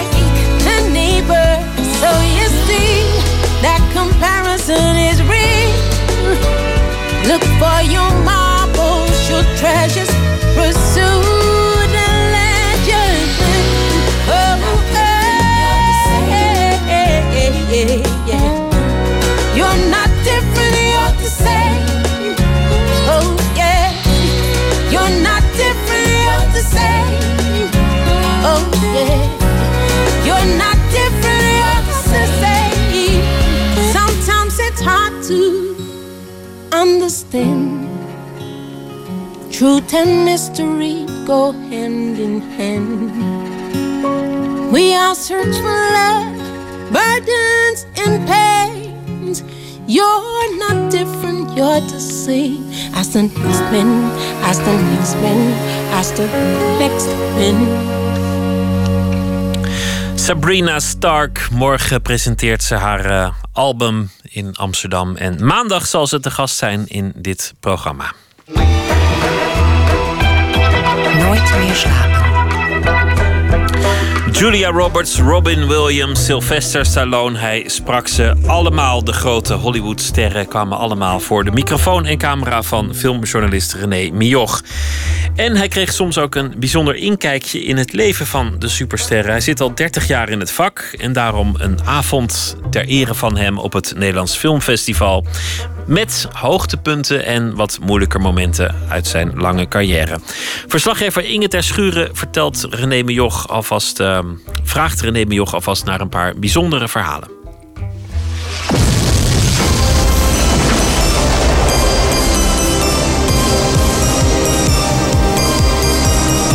Geef maar toe, jij bent vast ook wel eens een beetje jaloers geweest op René Mioch. De man die voor zijn werk de wereld over reist om nationale en internationale filmsterren te interviewen. Want wie kan er nou zeggen dat hij naar de dierentuin is geweest met Julia Roberts? Goedenavond, dit is Veronica Film en Video. Toen ik haar voor het eerst sprak, was nog voordat Pretty Woman in de bioscoop was. Uh, eigenlijk had ze toen alleen Mystic Pizza gemaakt. En ze had met Jan de Bond Flatliners gemaakt. Uh, ze kwam naar het filmfestival in Berlijn. En Jan de Bond die zei, je moet met haar afspreken. Want zij gaat een grote ster worden. Ze heeft uh, een film gemaakt en die, die heet Pretty Woman. Die wordt heel groot. En uh, ik ga er bellen. En dus toen heb ik een briefje onder de deur van het hotel doorgestuurd van Jan de Bond. Uh, nou, prima. En ik heb haar s'morgens om negen uur. Ze was net uit bed. Ze heeft totaal geen make-up op. Ze zit in de kleermakers, zit op de, op de bank.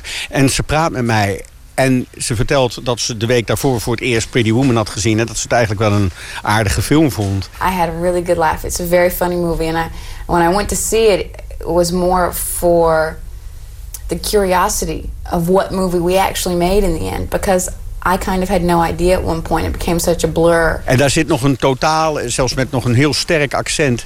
zit een hartstikke leuk meisje te praten. En, maar ik zal dat nooit vergeten. En ze zei, ja, ik ga zo naar de dierentuin. Heb je misschien zin om mee te lopen naar de, naar de dierentuin? Dus toen zijn we even naar de dierentuin gegaan. Jij bent met Julia Roberts in de dierentuin geweest. Maar Julia Roberts was toen Julia Roberts nog niet. Weet je wel, zoals we haar nu kennen. En ik heb haar daarna nog heel vaak geïnterviewd. Ehm, maar dat soort dingen blijf je dan wel bij. En weet ze dat dan nog? Dat zij toen nog zo naturel was en dat jullie naar de dierentuin zijn geweest? Mm, nou, die dierentuin, misschien als ik het zeg, dat ze dan zegt: Oh ja, weet je, want. eh, nee, er zijn andere dingen die we, die we ook hebben meegemaakt. die haar, denk ik, beter eh, bijblijven. Maar dat is, dat is meer in haar eh, privéleven. Eh, Dat maakt me wel nieuwsgierig. ja, precies. Maar dat, is, eh, ja, dat is een van de dingen waarom ik, waarom ik ook denk dat ik redelijk heb kunnen doen in de afgelopen jaren wat ik doe. Is dat als ik eh, een aantal van die acteurs, filmmakers tegenkom... en je gaat daar op een andere manier mee om. Dus buiten dat de camera erbij is, dat ze ook weten... dat ik niet het soort eh, journalist ben die zeg maar privé dingen eh, naar buiten brengt. Maar kun je met Julia Roberts op zo'n manier omgaan dat ze echt privé dingen met je deelt? Ik weet niet of dat nu nog zo kan. Maar ja, dat kan wel, ja, natuurlijk. Ja.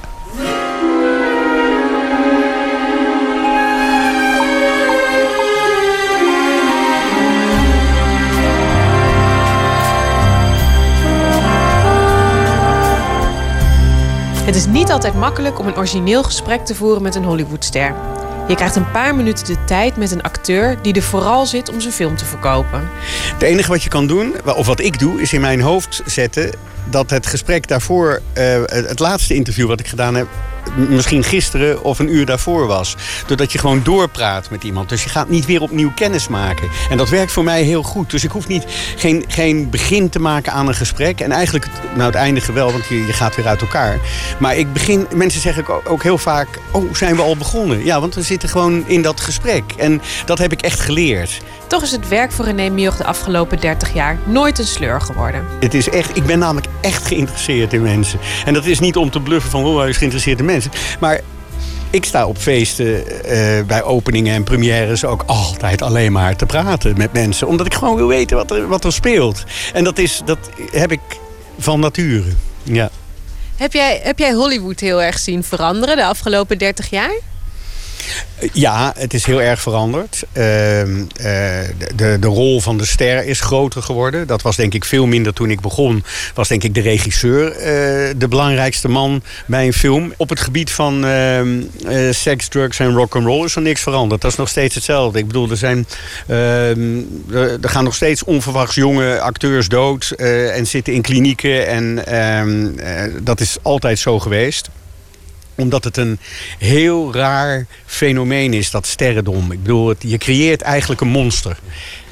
Ja, het is gouden kooi, zeker. En, en, en dan begrijp ik ook dat dan drank een rol gaat spelen... en dat andere dingen die je gaat doen omdat je je verveelt. Eh, Jeroen Krabbe heeft dat zelfs wel eens verteld... dat toen hij heel veel films maakte in het buitenland... dat je om, wordt om vier uur opgehaald... omdat je om elf uur ehm, een scène moet spelen. En om half zeven ben je nog niet aan de beurt geweest. En de eerste dag gaat dat goed. En de tweede dag denk je om half drie... nou, neem nou maar een wijntje. En na drieënhalve week merk je dat je om elf uur al aan de, aan de alcohol zit. En dat is toch wel wat er gebeurt.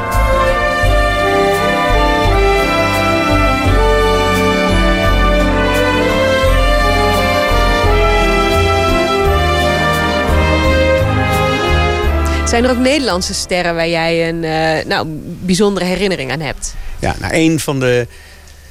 eh, wat, ik- wat ik ook laat zien eh, op deze avond is een interview met Gerard Tolen en Jos Stelling. Die had ik samen geïnterviewd terwijl de, de film waar ze in die Jos geregisseerd had en Gerard Tolen de hoofdrol in speelde, die draaide in Tuschinski. Gerard had al wat gedronken en ja, dat interview dat, dat loopt helemaal uit de hand. Joch, ik ga je killen. Doe maar straks, want ik wil eerst Ja, die dat uitzending is even de uitzending. Maar- fuck de uitzending. Ja. Nou, één keer nog, één keer door alles heen. De uitzending is niet belangrijk. Die film is belangrijk. En wat hij probeert te zeggen is belangrijk. Dat is fantasie. Niet. Het is Wat nou traag? Ja. Niet zeveren, mioch. Nee. Kut, fuck Hollywood. Met die harde praters en die snelle neukers. Ja, neukers. moet er niks meer van hebben. Bah, speed. Geile pik. Nou, dat vond ik echt geweldig. Dat heb, ik heb de volgende dag moest ik het monteren. Heb ik wel me afgevraagd of ik het zou uitzenden. Omdat ik dacht, ja, je merkt toch dat hij dronken is. Aan de andere kant is het zo vol passie. Dat, en het is zulke mooie televisie. En ik bedoel, eh, eh, ja, ik word daar onderuit gehaald. Maar ook eigenlijk helemaal niet. Want ik, ik, uiteindelijk eh, is hij heel blij met wat daar gebeurd is. Dus het is. Maar het is een proces wat je ziet. En dat vond ik heel mooi. Ja. Maar vond je dat achteraf heel mooi of vond je dat op het moment ook al heel mooi? Ik, ik zat in een boksring en dat beviel mij eigenlijk uitstekend. Ja. Zijn dat dan ook de mooiste interviews waarbij er echt een bepaalde chemie ontstaat, waarbij je echt kunt boksen met iemand?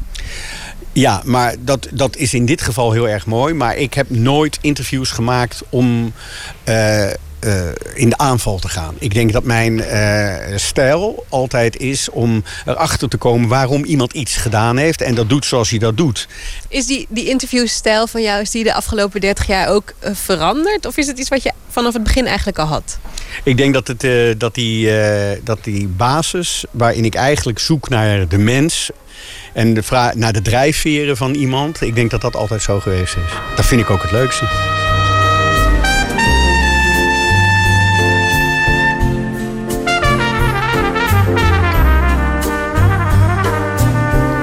Soms gebeurt het dat uit een interview een vriendschap ontstaat. Zoals met Anthony Kamerling. Ik heb hem heel vaak geïnterviewd vanaf het eerste, eh, de eerste film die hij deed, eigenlijk De Kleine Blonde Dood. Ehm, ik heb hem best wel intens meegemaakt met Isa ook. En toen op een gegeven moment heb ik hem voorgesteld: zullen we een week naar LA gaan en dan een programma maken, Anthony Goes Hollywood. Weet je wel? Dus zo, want hij wilde zo graag naar Hollywood. En dus zijn we daar naar een agent gegaan en naar Theo van der Zanden en Paul Verhoeven en eh, een aantal acteurs ontmoet en zo. Om te kijken of, het hem, of, of hij aan de bak zou kunnen daar. Hey. koffer openmaken. Echt? Ja. Hey. We zijn nog tegen Isa. Welkom De in Los Angeles. De koffer zat open namelijk toen die aankwam. Ik dacht van shit, straks, zit- straks hebben ze iets ingestopt. Dan ben ik ze open. Ja, en wat dat betreft is eh, Anthony natuurlijk ook een, eh, iemand die past in het rijtje van beroemde sterren. die zeg maar nogal tragisch aan, het, aan hun eind komen. En waar je zeg maar wel van weet dat eh, iemand stemmingsgevoelig is. of eh, zeg maar problemen heeft met eh, depressiviteit. Maar waar je niet verwacht van dat hij uiteindelijk ook zelf zelfmoord zou gaan plegen. En ik bedoel, dat vind ik wel het rare van het eh, beroep van acteur, waar ik dan uiteindelijk toch heel weinig van begrijp. Want het is een heel raar vak. Het doet blijkbaar toch iets met mensen. En, eh, en in eenzaamheid, hè, want het is een heel eenzaam vak. Je bent eigenlijk altijd op jezelf en alleen bezig met nadenken. En daar kun je best wel gek van worden. Amerika! Dit is gaaf man, zo zitten. oh yeah, yeah. De jubileumavond van René Mioch vindt aanstaande maandag plaats in Utrecht tijdens het filmfestival. En als u daarbij wilt zijn, filmfestival.nl. Hij was eh, twee decennia lang de voorman van The Frames. Daarna nog een duo met Marketa Irglova onder de naam The Swell Season. En twee jaar geleden ging hij eh, solo. 42 jaar was hij toen. Er is een nieuw album, Didn't He Ramble. En hier is eh, Glenn Hansard met Paying My Way.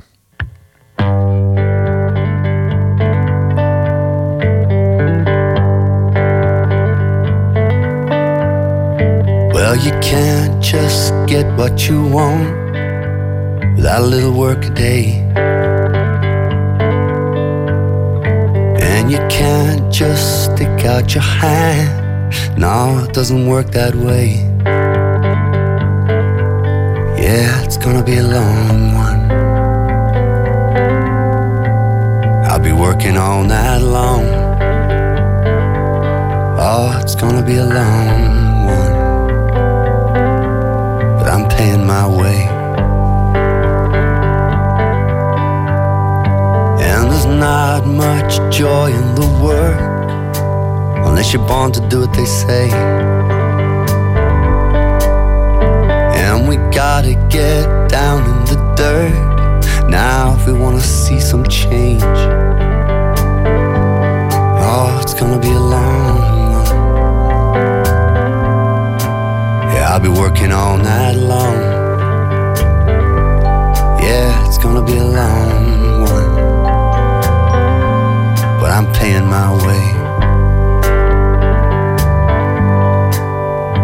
And the heart sliding backward on this long dark night of the soul. And you're the only thing that keeps me going on. It's gonna be a long one.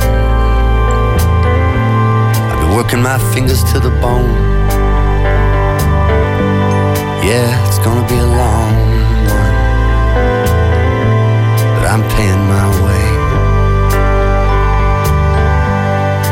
Paying my way.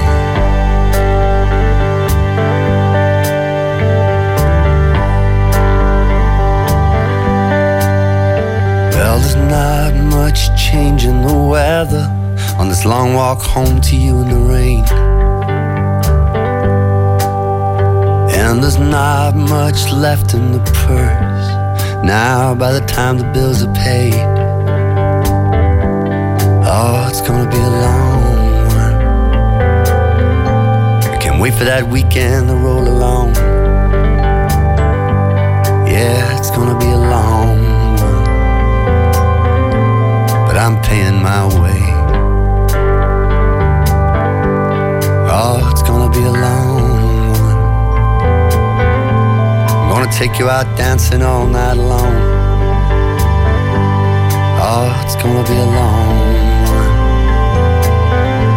But I'm paying my way.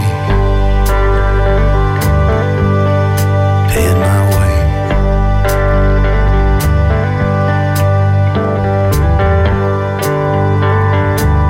Fair work for fair pay.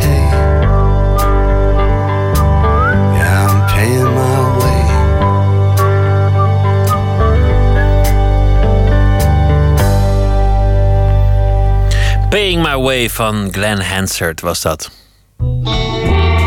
Nooit meer slapen. Naar vandaag eh, bekend is geworden, zal de jong overleden dichter Martijn Teerling geëerd worden in de toneelopvoering van Van Toe. Een eh, toneelvoorstelling naar het boek van Bert Wagendorp. En het verhaal achter eh, deze geste is bijzonder, weet nachtcorrespondent Botte Jellema. Botte, je hebt vanmiddag de regisseur gesproken, George van Huils. Wat, wat vertelde hij hierover?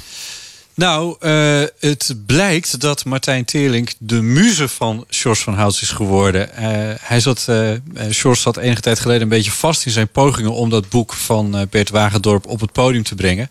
En hij vond in Martijn de oplossing. Martijn Teerlink, 26 jaar oud is hij slechts geworden. Heel erg jong gestorven. Werd gezien als een gigantisch talent. Ja, ja, en dat begon eh, met zijn eh, dichterskwaliteiten. Luister even naar dit eh, fragmentje. Hier hoor je Martijn op Poetry Slam 2010 eh, dat hij uiteindelijk zou winnen.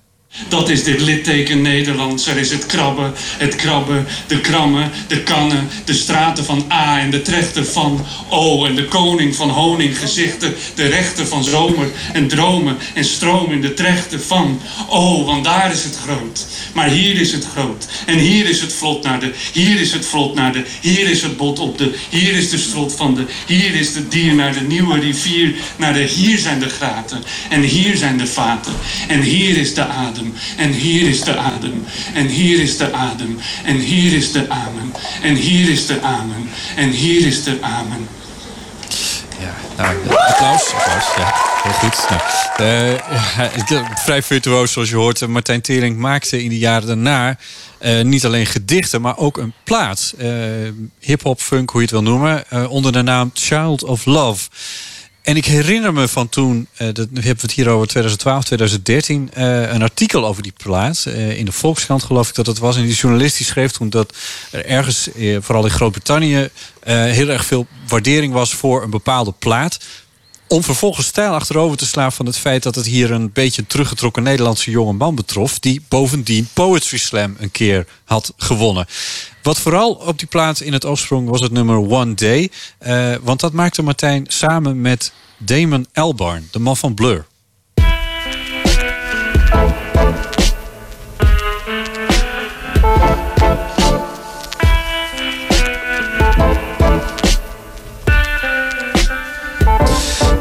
Niet eh, heel veel later kwam het bericht dat Child of Love, Martijn Tering, was overleden. Dat was in december 2013. Hij had een ingewikkeld syndroom dat zijn aderen verzwakten. Hij moest geopereerd worden aan een aorta. En uiteindelijk werd dat hem te veel. Ehm, en dat was ook nog voordat zijn dichtbundel debuut was uitgekomen. Dat ding heet, eh, dat bundel die heet eh, Ademgebed. Daar hebben we een jaar geleden een reportage over gehad in Nooit meer slapen. Die kun je op de site weer terugvinden. Het is al met al gewoon een vrij triest verhaal. Dat George van Hout ook in de krant had gelezen. Dat hij mee had gekregen. En dat hem dus uiteindelijk is gaan inspireren. Ja, George van Hout. Zij was bezig om het boek van Bert Wagendorp, ook een uh, film is ervan. Dit jaar is die uitgekomen. Hij wilde die op toneel brengen. Maar hoe pas je het leven van Martijn, van Child of Love, in het boek van toe? Over een, over een groep oude vrienden die nog één keer de berg op gaat uh, wielrennen. Ja, nou, de hele snelle verklaring is dat er in het verhaal van Wagendorp een jonge dichter zit. Eh, die overlijdt ook. Maar luister even naar hoe George van Houts het mij uitlegde. Het verhaal van Van Toe voor de luisteraar gaat over zes jonge mensen. Die gaan de Van Toe opfietsen. Het zijn vijf jongens en één vreselijk mooi meisje. Ze zijn allemaal 19, 18, 19 jaar. Uh, uh, door het mooie meisje waar alle jongens verliefd op zijn, ontstaat er ja, wat wrijving en jaloezie en wedijver. Maar er is één jongen, dat is een dichter. Een jonge dichter met een enorm charisma en beschrijft wondermooie poëzie in de roman, Peter Segers. Die is met Laura, het meisje, het, de, mooie, de, de, de, schoonheid. En de andere jongens zijn er jaloers op. En om een lang verhaal kort te maken, de jonge dichter, op, tijdens de afdaling van de Van Toe, ze hebben hem beklommen, neemt hij te veel risico en uh, ja, verongelukt. Ja. Dus dat is een enorm trauma in ieders leven. Uh, en daarna gaan de vrienden uit elkaar. En het boek speelt dat ze na 30 jaar de Mont Ventoux weer op gaan eh, klimmen. ter nagedachtenis van hun overleden jonge vriend, de dichter. Nou, en toen George dat verhaal in de gedichten en de muziek van Martijn had gehoord. had hij eigenlijk het basisconcept voor de regie van het toneelstuk Van Toe. Want daar worstelde hij tot dan toe een beetje mee. Het boek van Bert Wagendorp vind ik een schitterend boek. Maar het is in de publiciteit een beetje een zomervakantiestrandboek voor mannen die van fietsen houden geworden. En uh, de film is een beetje een slap aftreksel geworden over adolescenten die met elkaar aan het rommelen zijn. Uh, en ik las iets heel anders in het boek. Het gaat over schuld. Het gaat over niet om kunnen gaan met de dood. Het zijn mannen die tijdens, uh, terwijl ze 50 zijn, elkaar weer op gaan zoeken. Terwijl ze elkaar 30 jaar niet gezien hebben en dat ongeluk met zich hebben meegedragen. En zijn zij verantwoordelijk voor die dood? En hoe is dat dan gegaan? En ze zijn eigenlijk ook stiekem nog verliefd gebleven op die Laura. Maar ze zijn helemaal uit elkaar gespat na dat ongeluk. Ja. Dus het is voor mij een veel serieuzere, veel zwartere, uh, ook poëtische voorstelling. Uh, ontstond er in mijn hoofd doordat ik met Martijn in aanraking kwam. Hij werd een beetje je muze. Hij is absoluut mijn muze. Ja, hij, Opeens viel alles, toen ik hem zag optreden bij de, op YouTube, op die Poetry Slam... toen viel alles opeens op zijn plek. En toen had ik opeens het concept in mijn hoofd wat ik wilde gaan maken. Dus nu is hij als dichter, speelt hij postuum Peter Segers. En zo komt er een diepere laag in dat verhaal van Bert Wagendorp, zo zegt Van Hout. Maar ja, dan is eh, Martijn Teerlink alleen de muze. Of krijgen we hem ook te zien? Met andere woorden, wordt hij de overleden dichter? Gaat hij ook zijn poëzie gebruiken daarvoor bijvoorbeeld? George van Hout haalt hem letterlijk de voorstellingen in. Uh, zijn poëzie en zijn muziek. Dus zijn muziek, uh, dat nummer One Day, One Day You're Gonna Die... dat is het, het, het leidmotief van de voorstelling geworden. Child of Love. En zijn optreden met zijn gedicht Ademgebed... is een beetje het sleutelmoment in de voorstelling. Ja, George zei dat hij het werk van Martijn echt weer onder de aandacht wil brengen. En hier ook een manier heeft gevonden om dat te doen. Ja, de dood van een jong talent van 26, dat kan je enorm aan het denken zetten. En dat is wat George van Houts wil. En waarom dan weer terug naar je jeugd? Waarom gaan 50-jarige mannen terug naar hun jeugdvrienden? Dat is nogal een algemeen verschijnsel. Dus dat is een soort angst voor de dood. Opeens in de spiegel kijken en denk... Godverdomme, waar is de tijd gebleven? Uh, ik, ik, ik hoor nu bij de oudere generatie... ik moet mijn hak in het zand zetten... want ik word richting het ravijn van de dood geduwd. Dus laat ik me eens proberen heel hard achteruit te lopen naar mijn jeugd. En, en vind je dan daar wat je hoopt te vinden? Of is het een nog veel hardere confrontatie met de vergankelijkheid? Want je ziet namelijk de mensen uit je jeugd terug... die je je jong herinnert. Ja. Maar je staat tegenover iemand en die is ook oud geworden. Dus je, wordt, je ziet alleen maar de spiegel van je eigen vergankelijkheid. Terwijl je hoopte de jeugd terug te vinden. Dus het is wat dat betreft. Uh, De voor, voorstelling zit ook vol humor, hoor. Het is geen... Nou ja, het, het is een beetje eh wrang. Uiteindelijk zou je kunnen zeggen... zo'n Martijn Teerlink, ja, die wordt nooit meer ouder. Het is een, het is een mooie lezing. Ik, ik denk ook dat dat een, een laag is in het boek van toe, die ook klopt met de werkelijkheid. Volgens mij is dat waarom mannen van een zekere leeftijd ineens een racefiets kopen en gaan trainen en zo'n berg op gaan fietsen. Dat, dat is een strijd met de vergankelijkheid, met de dood. Willen bewijzen dat je nog jong bent, dat je de sterfelijkheid kunt overwinnen, maar ook wilt voelen. Want alle wielertermen gaan ook altijd over sterven, dood en, eh, en, en omvallen. zo, ja. ja. Ja, dat klopt. Ja, en dan, en dan natuurlijk tegen die achtergrond van zo'n van die vriend van hun uit hun jeugd. Die, ja, die dat niet hoeft te doen. Die hoeft dat niet. Die zal altijd jong blijven. Die zal altijd. Hè, want we hadden het. Ik had het eh, ineens schoot ook dat idee van die club van 27 eh, door mijn hoofd. Hè, dat, eh, De jong gestorven muzikanten en, en ja, anderen. nou, noem ze maar op. Ja, de Amy Winehouse, Kurt Cobain's, Jim Morrison's en, en, en die club. Het, is, het, is, het, het schijnt uiteindelijk niet helemaal te kloppen dat die 27 nou zo'n bijzondere leeftijd is. Maar zo'n Martijn Tierling die eh, hoort er dan eigenlijk ook wel een beetje bij. Eh, ze worden niet meer ouder.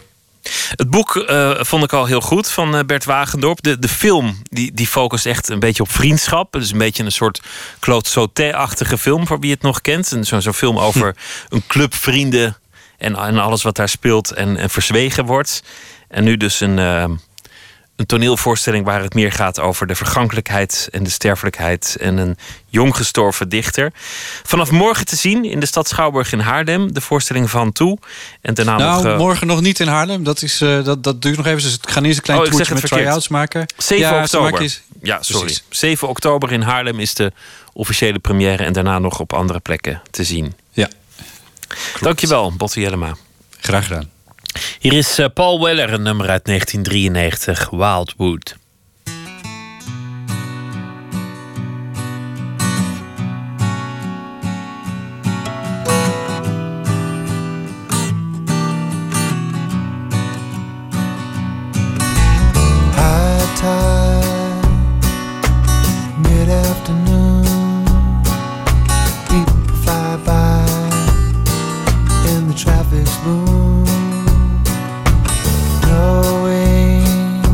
Just where you're blowing, getting to where you should be going.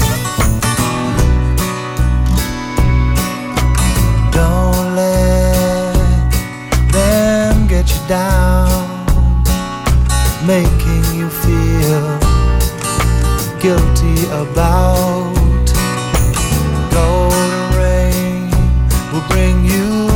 riches, all the good things you deserve. Now.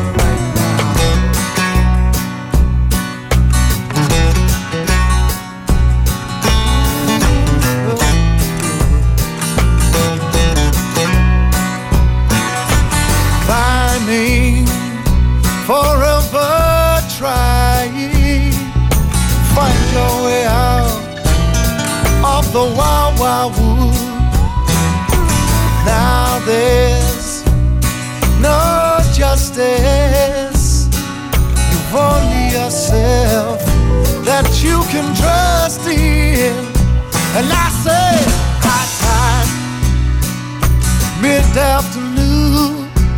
Oh, people fly by and the traffic's boom, boom, going just where you're blowing, getting to where you should be going.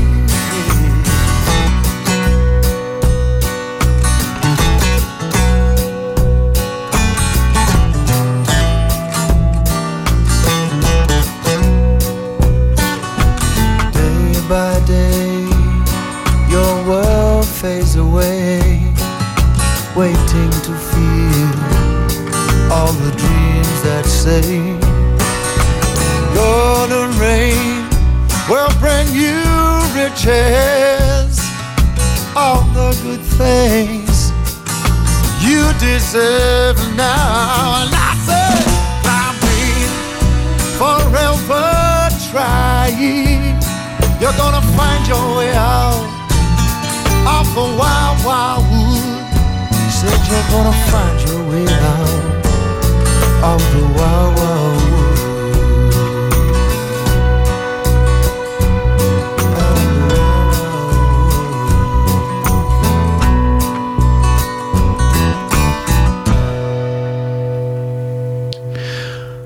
Paul Weller was dat met Wildwood. Nooit meer slapen. Tim Knol, niet alleen een uh, begenadigd liedjesschrijver en zanger, maar ook een verwoed verzamelaar. Een verzamelaar van oude singeltjes, van stoffige foto's uit vervlogen tijden en een verzamelaar van verhalen die daar dan weer achter zitten. Die verzamelwoede, dat is de basis voor een nieuw soloprogramma met de titel Last and Found, waarmee hij de theaters in zal gaan. Jan-Paul de Bond, onze verslaggever, bezocht Knol op de woonboot in Amsterdam en uh, niet alles lag daar even geordend voor het grijpen.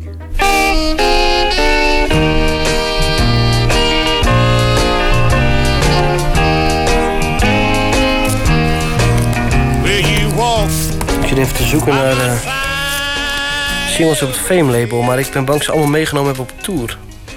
Dus ik zoek naar wat alternatieven. Het Fame label, op, Fame kwam heel veel muziek uit, uh, heel veel soulmuziek. Goede soulmuziek. Uit, het kwam uit Alabama. En uh, ik heb in mijn theaterstukken, vertel ik daar wat over. En laat ik ook wat dingen horen. Hoe ver uh, reikt de singleverzameling inmiddels? Nou, het zijn een paar duizend singletjes. Het valt op zich wel mee. Ik, was, ik was, ben nu al een stuk specifieker geworden. Het was vroeger... De, kocht ik echt alles, weet je wel. En ik heb ook nu heel veel van die soul singles... die komen heel vaak weer tegen in bakken. Zeg. Dus ik verkoop ook een hoop nu. Tijdens de theatertour.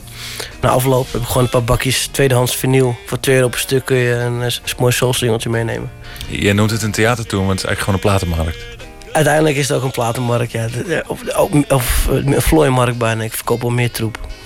Ik heb laatst een speculaasroller, hadden bij de eerste show. Zo'n loodzwaar ding, dat zo'n om, ja, te maken. In de eerste show stoorde ik mijn voet er al aan. Toen had ik tegen het publiek gezegd, nou wie wil dit ding kopen? Ik was er meteen kwijt voor 5 euro, weet je. Dat was dan... En dat koop ik dan, omdat ik dat vind ik dan een mooi ding. Een mooi, een mooi iets om te hebben. Maar ja, uiteindelijk is het gewoon een, een last, zo'n zwaar ding. Dus het weg ermee. Weet je wel, die troep ligt er allemaal. Maar waar is het idee ontstaan om, om dit, jouw verzamelwoede, als uitgangspunt te nemen? Nou, dat is een onderdeeltje, weet je wel. Die verzameling is die ik allemaal heb dan. Ik zie Lost and Found ook... Uh, de alternatieve titel is een beetje de strijd tegen vergetel, vergetelheid. Want uh, ik probeer ook dan een beetje wel mooie, obscure liedjes en, te spelen... en dan daar een mooi verhaal bij te vertellen. Ik ben altijd op zoek naar een mooie, obscure, maar prachtige liedjes natuurlijk. Ja. Kunnen we eens een, een, een, voorbeeld pakken van iets wat je in je show verwerkt... of hoe je zoiets in je show uh, verwerkt? Ik heb hier bijvoorbeeld van Goldband Records heb ik een paar singles, heb ik, spaar ik, spaar ik singeltjes van. Maar dit is een liedje, El Ferrier heet deze gozer. En dit is gewoon hele goede country uit Lake Charles, Louisiana. If I need you, will I find you there? I find you there. If I need you,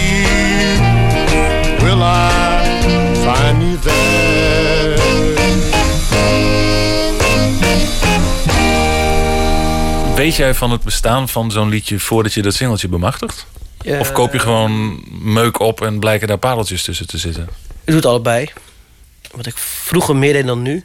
Ging ik op eBay kijken en dan vond ik van, weet ik veel, 30 singeltjes bij iemand die ook uh, allemaal troep verkocht. Dat vind ik eigenlijk de leukste, leukste koopjes. Dat je niet precies weet wat je hebt gekocht, maar dat je dan thuis een pakketje krijgt en dat je dan verrast wordt. Dus ja, zo heb ik echt een paar maanden geleden uh, 100 jukebox singeltjes overgenomen van iemand.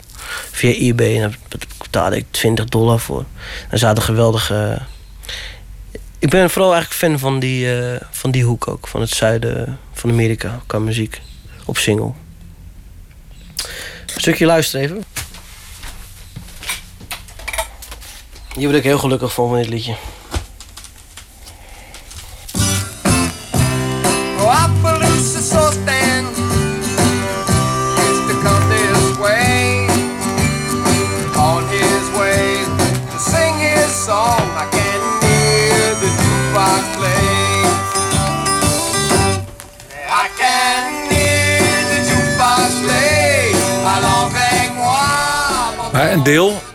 Die liedjes speel je ook zelf. Eh, ja, laat ik een stukje horen en dan speel ik daarna het liedje. Maar bij dat Fame-verhaal, dan vertel ik ook over Ralph Soul Jackson. Dat was die gast uit Georgia die dan naar eh, Alabama ging om een liedje... om te kijken hoe dat nou... Als hij daar binnenkwam, was hij alleen maar witte muzikanten zag. Als zwarte man. En in de jaren 60 in Alabama was het nog allemaal heel erg racistisch. En het was destijds heel bijzonder. Hij dan ook de studio in en hij zegt van...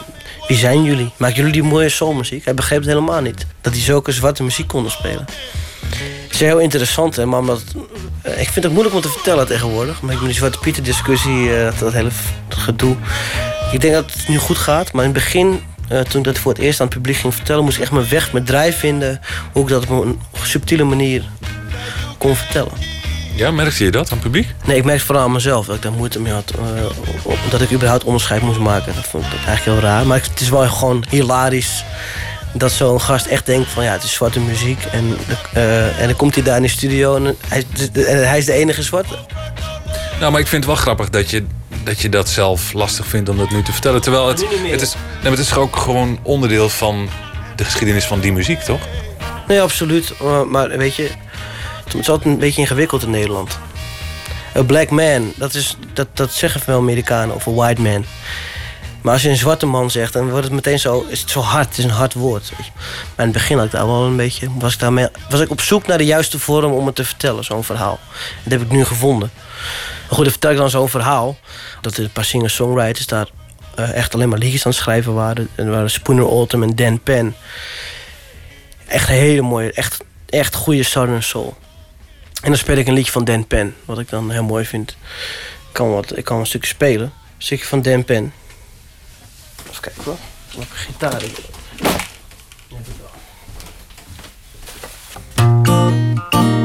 Als je even stemmen nog.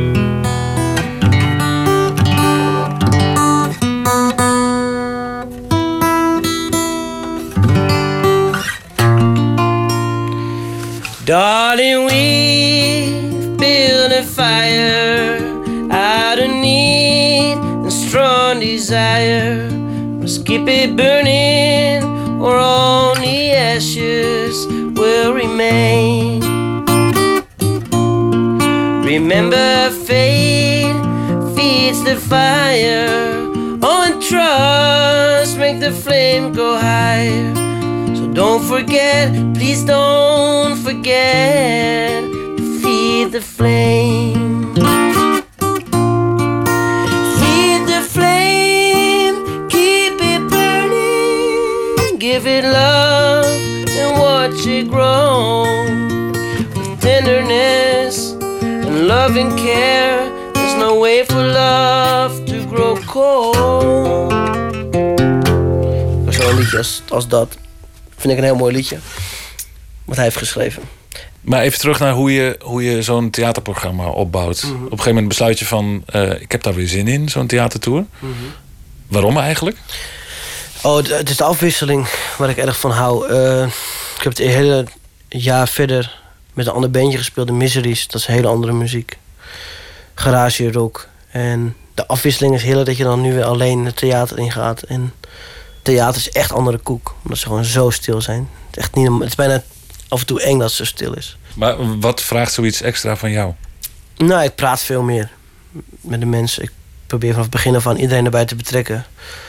Pak ik een voorwerp wat ik heb liggen op het podium, wat ik wil verkopen. En dan weet, weet iemand nog wat dit is. En dan hou ik bijvoorbeeld zo'n speculatierol omhoog.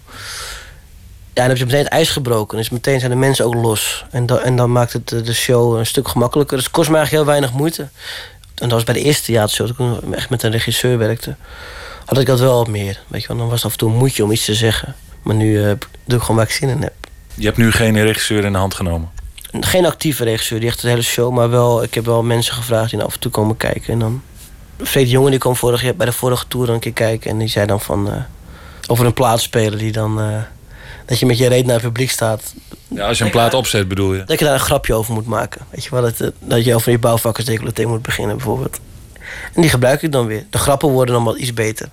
Ik heb dan een paar een beetje flauwe grapjes. En die zegt hij, als je het nou zo vertelt, dan, dan komt het harder binnen bij de mensen. En dat, dat is gewoon zo. Dus ik probeer een beetje die tips van eh, mensen zoals Freek. Die, daar heb ik gewoon veel aan. En je nieuwe werk. Zijn er dingen gelukt waar je eerder nog niet in geslaagd was? Ehm, nee, ik ga altijd een beetje hetzelfde te werk bij elke plaat. Maar dat betekent dat het resultaat niet altijd hetzelfde hoeft te zijn. Dat klopt. Ik denk dat het, wordt, het wordt. Ik heb in de vorige plaats waar het al met akoestische gitaar ook en zo. Het gaat zeker qua sound anders worden. Maar goed, uiteindelijk eh, het eindresultaat. Ik weet dat, dat, dat ik heb geen idee hoe dat gaat worden nu nog. Maar je probeert het nu uit in de theaters, een deel ervan. Nou, een paar liedjes maar. Ik heb een heel klein liedje geschreven eh, over heimwee. Ik heb, ik heb nooit last van heimwee gehad. Totdat ik zes weken van huis was, afgelopen eh, maart. Maart, april. Ja, toen heb ik een klein liedje over heimwee geschreven. Maar dat is normaal iets wat ik nooit zou doen eigenlijk. Maar het voelde op dat moment juist, en dat liedje speelt er nu. Het is een heel klein liedje in het theater. Ja. Het is. eh ik speel alleen de piano normaal gesproken. Het is een beetje gek op gitaar misschien, maar ik ga zo een klein stukje. Even een coupletje, goed? Coupletje refreintje. Moving up the land, coast to coast. There ain't much to see in the dark. My state of mind packed in a bag. Someone next to me in the car. I miss you, I miss you, I miss you.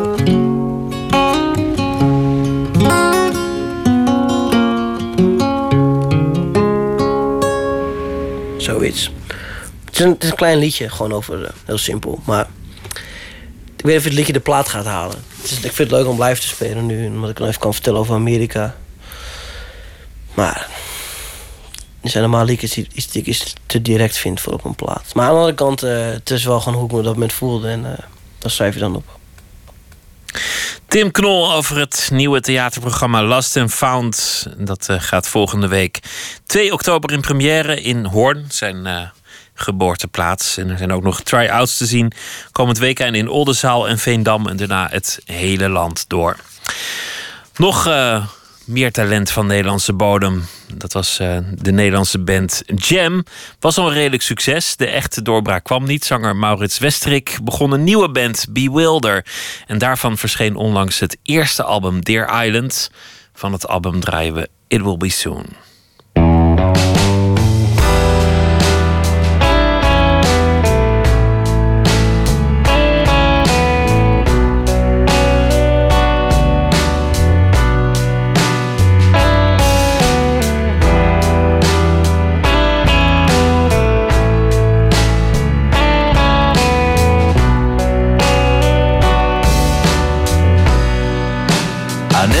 Felt this rush, and so do I go on. The stairs beneath my feet, my dear. The crowd was all mixed up, it all fits in a song. Soon I will be gone, my friend. It's closer than I thought how much I can resist. Make something one's own. I find myself next to you. The look I see is strong. I think of what I've done.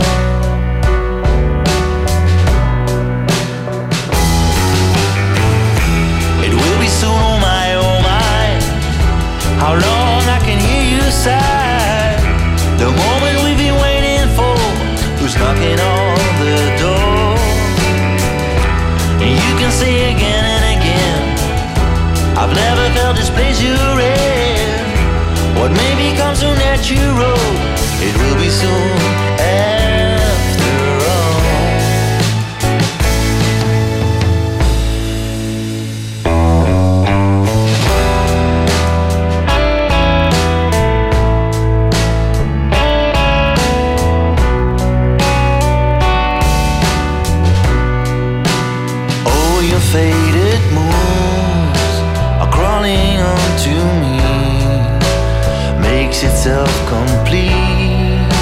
dear. This morning it is you.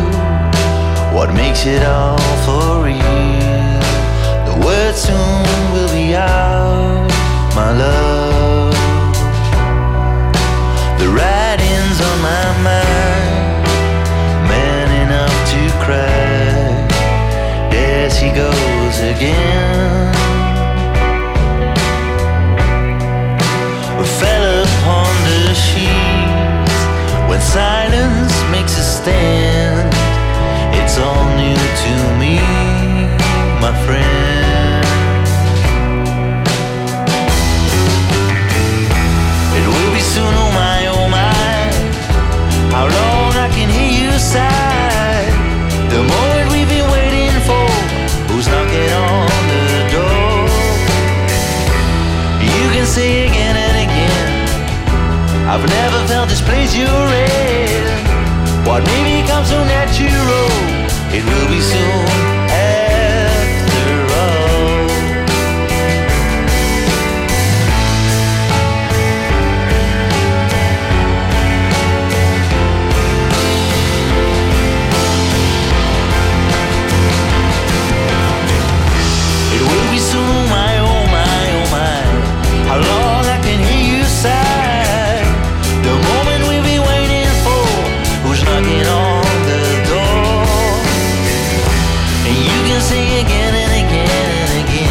I've never felt this in.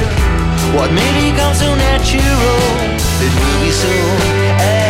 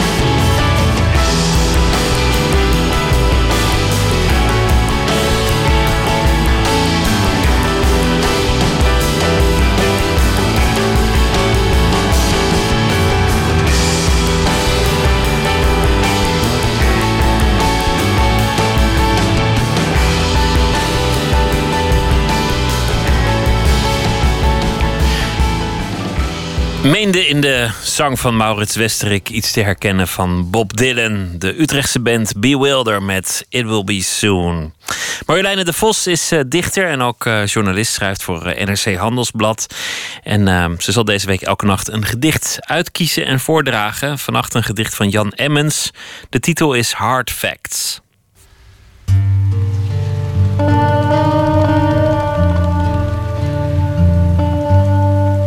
Een dichter die naar mijn idee te weinig nog eh, genoemd wordt. Ik weet niet of mensen hem in het geheim volop lezen natuurlijk.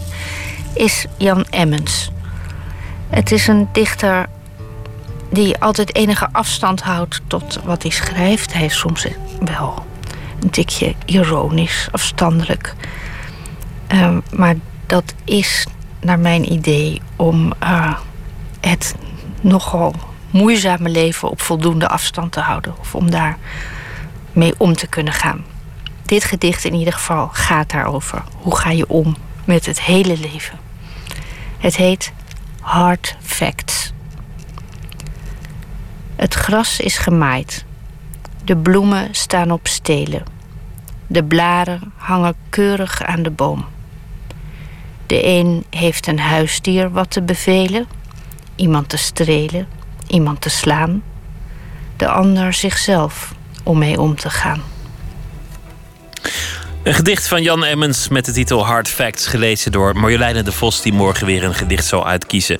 Coco Schrijber komt eh, morgen langs, documentairemaker. Maakt onder meer documentaires over het optimisme van zwervers en over verveling. En nu komt er een roman uit. Esther Naomi Perkin zal met haar eh, praten. En we hebben ook morgen Henny Vrienden, de oudzanger van eh, Doe Maar. Voor nu een hele goede nacht, morgen een hele leuke dag. En daarna weer lekker luisteren. Goeienacht.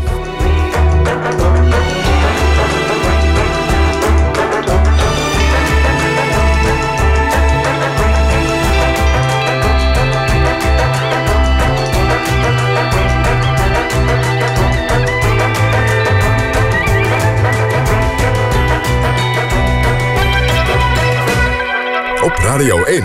Het nieuws van alle kanten.